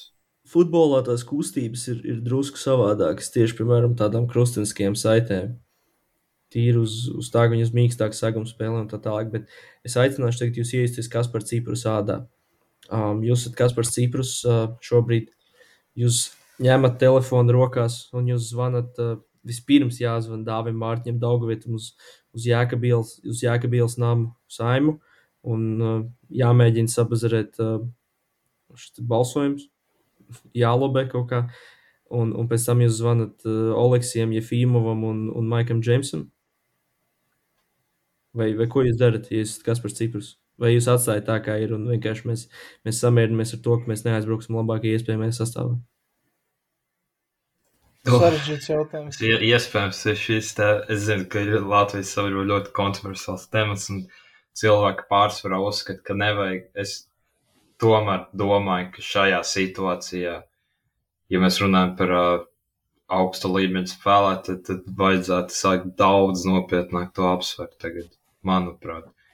Jo, kā jau, kā jau teicu, pirmais pasaules kausa mums ir, un nav zināms, vai mums vēlreiz kā, kaut kad, vai nebūs vēl 30 gadi jāgaida. Tāpēc es teiktu, ka jā, man tā liekas. Es laikam turēšos tomēr pretpusē un teikšu, ka tāpat uh, braucam ar latviešiem, sakam Dairim Bērtānam, lai viņš vienkārši visu, ko viņš var, mēģina izdarīt un uh, ņemam visus gados jaunos uh, Zoriku, Kurucu, uh, Žagaru un uh, dodam viņiem visiem iespēju, jo tā ir mūsu nākotne. Norberts un Strautiņš. Tas arī ir variants, izskatām arī šo variantu. Un, uh, nu jā, es teiktu, ka spēlēm latviešiem, bet uh, nu es, es daudz labāk tagad sapratīšu, ja mēs tādu Maiku Džeimsu vai vēl kaut ko paņemšu. Daudz, tā kā redzēšu, ka nu, nu, ir kaut kāds iemesls, ja mums reāli izkrita teiksim, tā galvenais džeks tajā pozīcijā, ja, un nu, daudz labāk var saprast, bet nu, es tik un tā, es saku, mēģinam pieturēties pie latviešiem, bet, nu, kā jau iepriekš minēju, nav tā, ka es raudāšu un skandalozus tekstus rakstīšu internetā, ja mēs arī kādu naturalizēsim. Nu, vēl ir arī tāda lieta, ka, piemēram, tīri Maika Džeimsa sakarā, tur ir arī krietni jāpaver maciņš. Nu jā, no discounts on, on my services. Jā, kā, kā pats Maiks rakstīja un, un iepinoja savā Twitter kontā. Um, Bet, Bet kāds jā. tev, Kristians, šajā jautājumā viedoklis? Es nezinu. Es tiešām nezinu. Nu, jo, jo lieta tāda, ka, piemēram, tad, kad, kad Maika Džeimsa jautājums bija aktuāls, uh, mēs dzīvojām ar, ar to pārliecību, ka, ka mēs braucam labākajā sastāvā. Tagad ir vairāk nekā skaidrs, ka nu, tiešām, ja nenotiek kaut kāda brīnuma, nu, Lomačs nav turnīrā, uh, mēs braucam ar, nebraucam labākajā sastāvā. Tas ir pavisam skaidrs. Um, es nezinu. Nu, Es, es gribu ticēt, ka mums, uh, lai arī jaunatnes izlašu sniegums par to neliecina, bet es gribu ticēt, ka mums kaut kāda nākotne ir un, un ka mēs, mēs būsim arvien regulārāk dalībnieki šajos uh, pasaules kausos. Un es, jā, es, es, es ne, nezinu, ļoti grūti atbildēt tiešām. Jo Lomačs arī Laikam no tiem, pusē vairāk, es, es tagad vai, vairāk saprastu, ja, ja parādītos Maiks Džeims. Es, es tā kā vēl Lomačs no tiem maziem spēlētājiem vairāk vai mazāk nu, galvenais, kas to stabili varēja no turienes gūt punktus. Jo Dairim Bērtānam arī, piemēram, sezona ir kāda ir, nu, nu nav labi, viņam būsim godīgi. Uz Arturu Kurts es arī nezinu, vai var paļauties uz pasaules kausa līmenī. Tas arī jautājums. Un, un tur tiešām tā ļoti sarežģīti. Nu, Arčs Kurts jau pret tādu ne basketbolu, pret tādu ne basketbolu valsts, pret tādu švaku izlasi kā Serbija, jau parādīja, tā teikt, who is who. Nu, nē, bet, to, bet, nu, tas, bet tas ir par Lomažu, to, ka viņš, viņš var viens pats uz sevi paņemt. Arī burtiski uz sevi uz muguras paņemt pretiniekus un izprocēt sodus.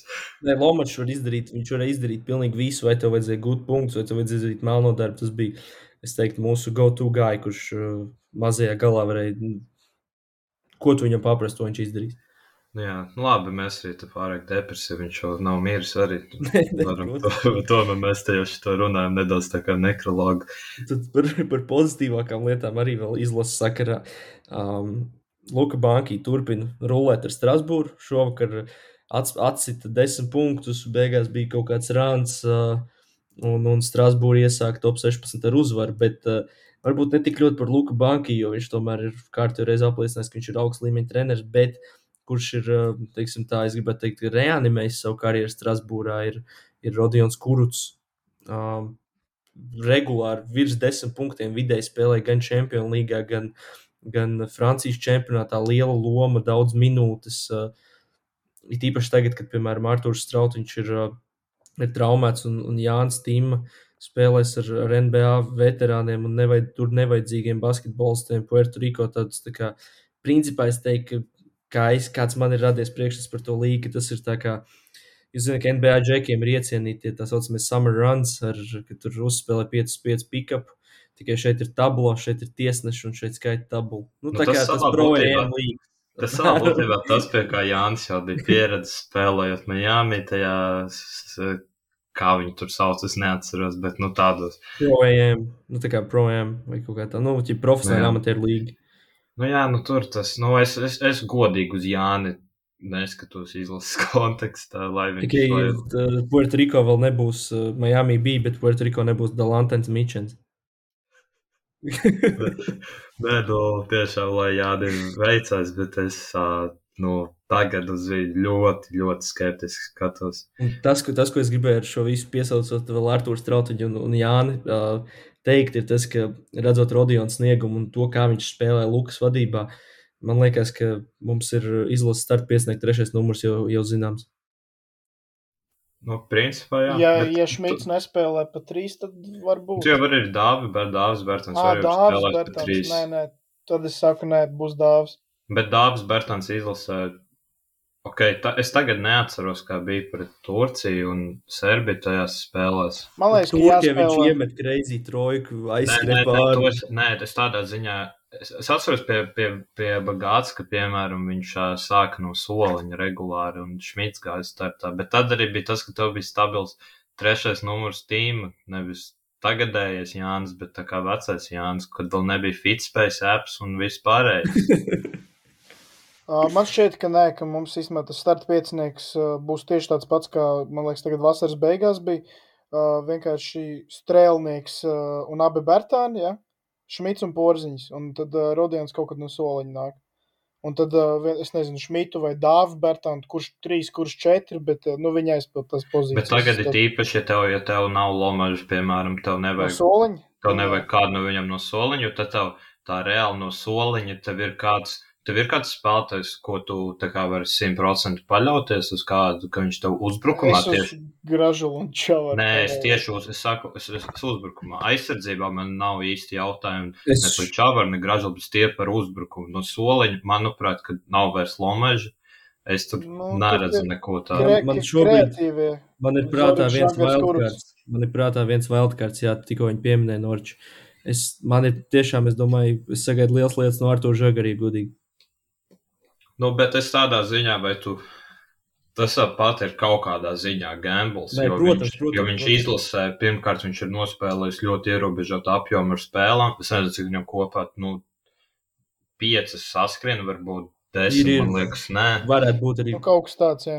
Nu, bet viņš daudz nav spēlējis. Viņš nav arī īsti labi spēlējis izlasē. Sezona viņam ir ļoti laba, par to man nav Bet jautājumu. viņam, viņam šitās, uh, tagad, februārī, viņam tās būs pirmās spēles izlasē, kopš viņš ir reāli labi sācis spēlēt pieaugušo basketbolu, kopš viņš daudz spēlē, kopš viņš ir vesels un, un, un tā tālāk. Tāpēc Bet tev domāju, vienkārši te uzsvars uz vārdu pirmās, tāpēc es, es nezinu, cik ļoti tad uz viņu tur var paļauties.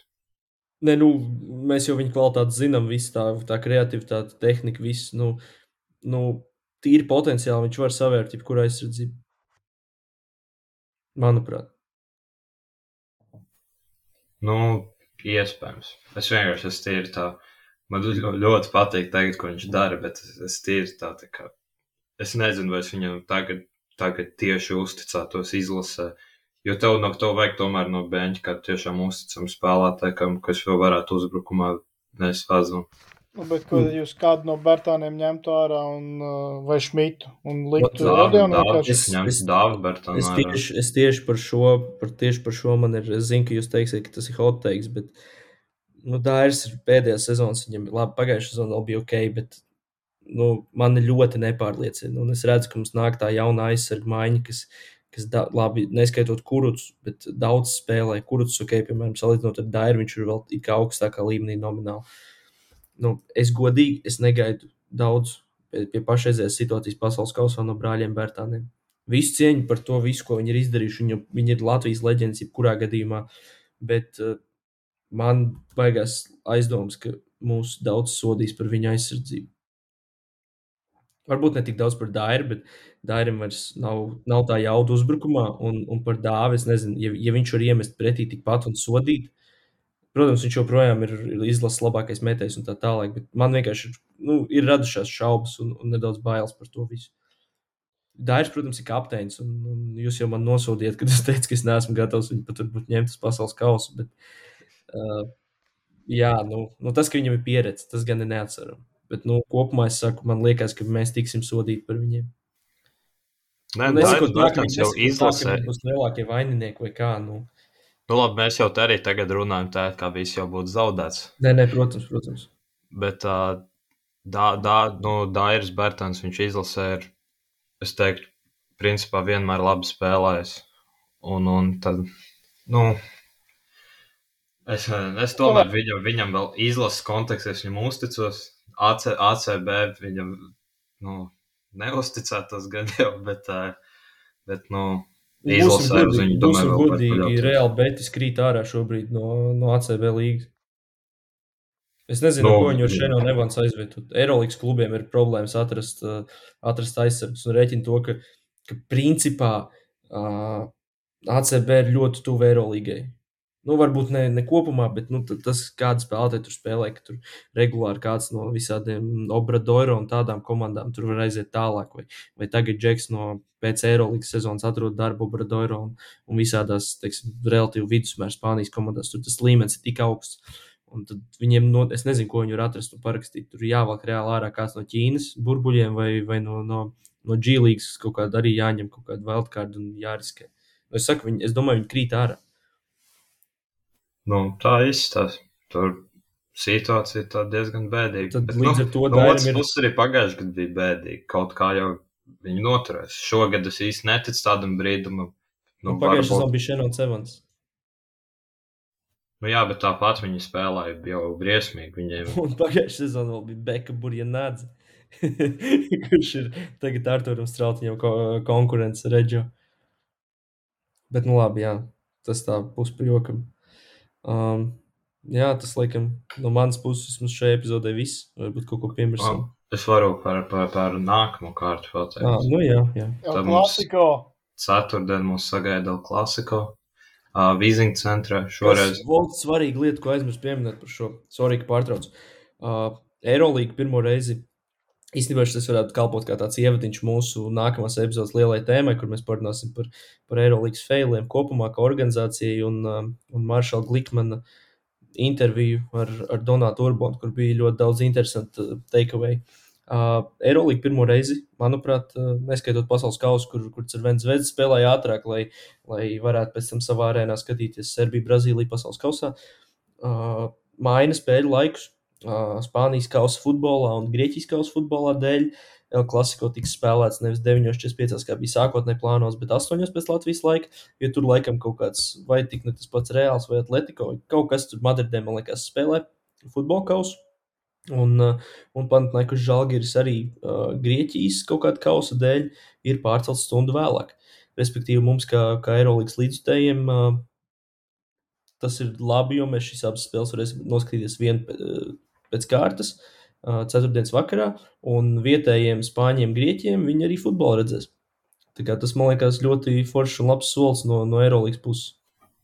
Jā, bet nu vēl kā klasikā noteikti, manuprāt, lielākais mačs ir Eiropā, gan, gan basketbolā, futbolā, gan jau arī lauka hokejā, jebkurā sportā klasikā ir fantastiski. Tāpēc uh, to noteikti iesaku pieslēgties, un, un vēl piekdien, vēl nu, fanu ziņā niknāks derbijs, basketbola ziņā ne, ne tik ļoti, manuprāt, bet tā Belgradā Crvenas zvezda uzņems Partizanu šoreiz. Un uh, vēl viens spēle, ko es varētu izcelt, tādas divas uzbrukuma komandas tiksies uh, Anadolu Efes pret Baskoniju piekdienas vakarā. Un abām komandām pēdējā laikā iet grūti, ir uh, vairāk zaudējumu nekā uzvaru. Un, uh, teiksim, tā, abas komandas ir skatāmas. Arī būs interesants skatāms mačs. Tas tā man liekas, pat ne, ne tik ļoti, cik FS iet grūti, cik viņi vienkārši, manuprāt, šķīro spēles. Tā kā nu, viņi ir kā laba komanda, kā tad viņiem FSM arī būtu jāspēlē labi. Viņam jau vēl šeit viņam svarīgi ir relatīvi, jo Baskovani uzvarēja pirmo spēli, un tad, ja mēs skatāmies playoff virzienā, kaut gan, nu, tam FS plus mīnus vienalga, kurā vietā viņi finišē, Bet, nu, vismaz tad, ja viņi uzvarētu Baskoni, pa, es neatceros cik, jo es neatceros, cik viņi zaudēja pirmo spēli, tad viņi vismaz sezonas head-to-head būtu priekšā. Jā, pa pieciem punktiem zaudēja pirmo spēli. Bet nu, šobrīd FS ir 9. un uzvaru atpaliek no 8. vietas. Viņi varētu saņemties un sākt kaut ko uzvarēt, lai nav jāatliek visas pēdējo kārtu. Bet man liekas, tur viņi tur vispār stresa nekāda nav. Es tā, nu, man vismaz nav radies iespējas, ka viņi īpaši tā kā ļoti nopietni to uztver. Nu, gan jau abi atamani jau parādīja publikai, ko viņi domā. Tā kā viņi tur baigi nestreso par situāciju. Jā. Tas laikam, laikam viss. Jā, paldies, ka klausījāties. Atgādini piesakojiet mums Instagramā, at Eiropods un noteikti arī Spotify. Ar laiku tiešām jā, jāatgādina pašiem sev, ka plānojam izplesties tomēr uz vairāk, vairāk eh, platformām. Arī kaut kad, kad beidzot visi būsim kopā, tad būs gan arī kāds video. Bet, eh, jā, nospied Spotify zvaniņu, lai nepalaistu garām šo epizodu. Nu, nevis šo, bet drīzāk nākamo, jo tas ir no beigām, ja jūs nesākat klausīties. Tā, jā. jā. Visu labi!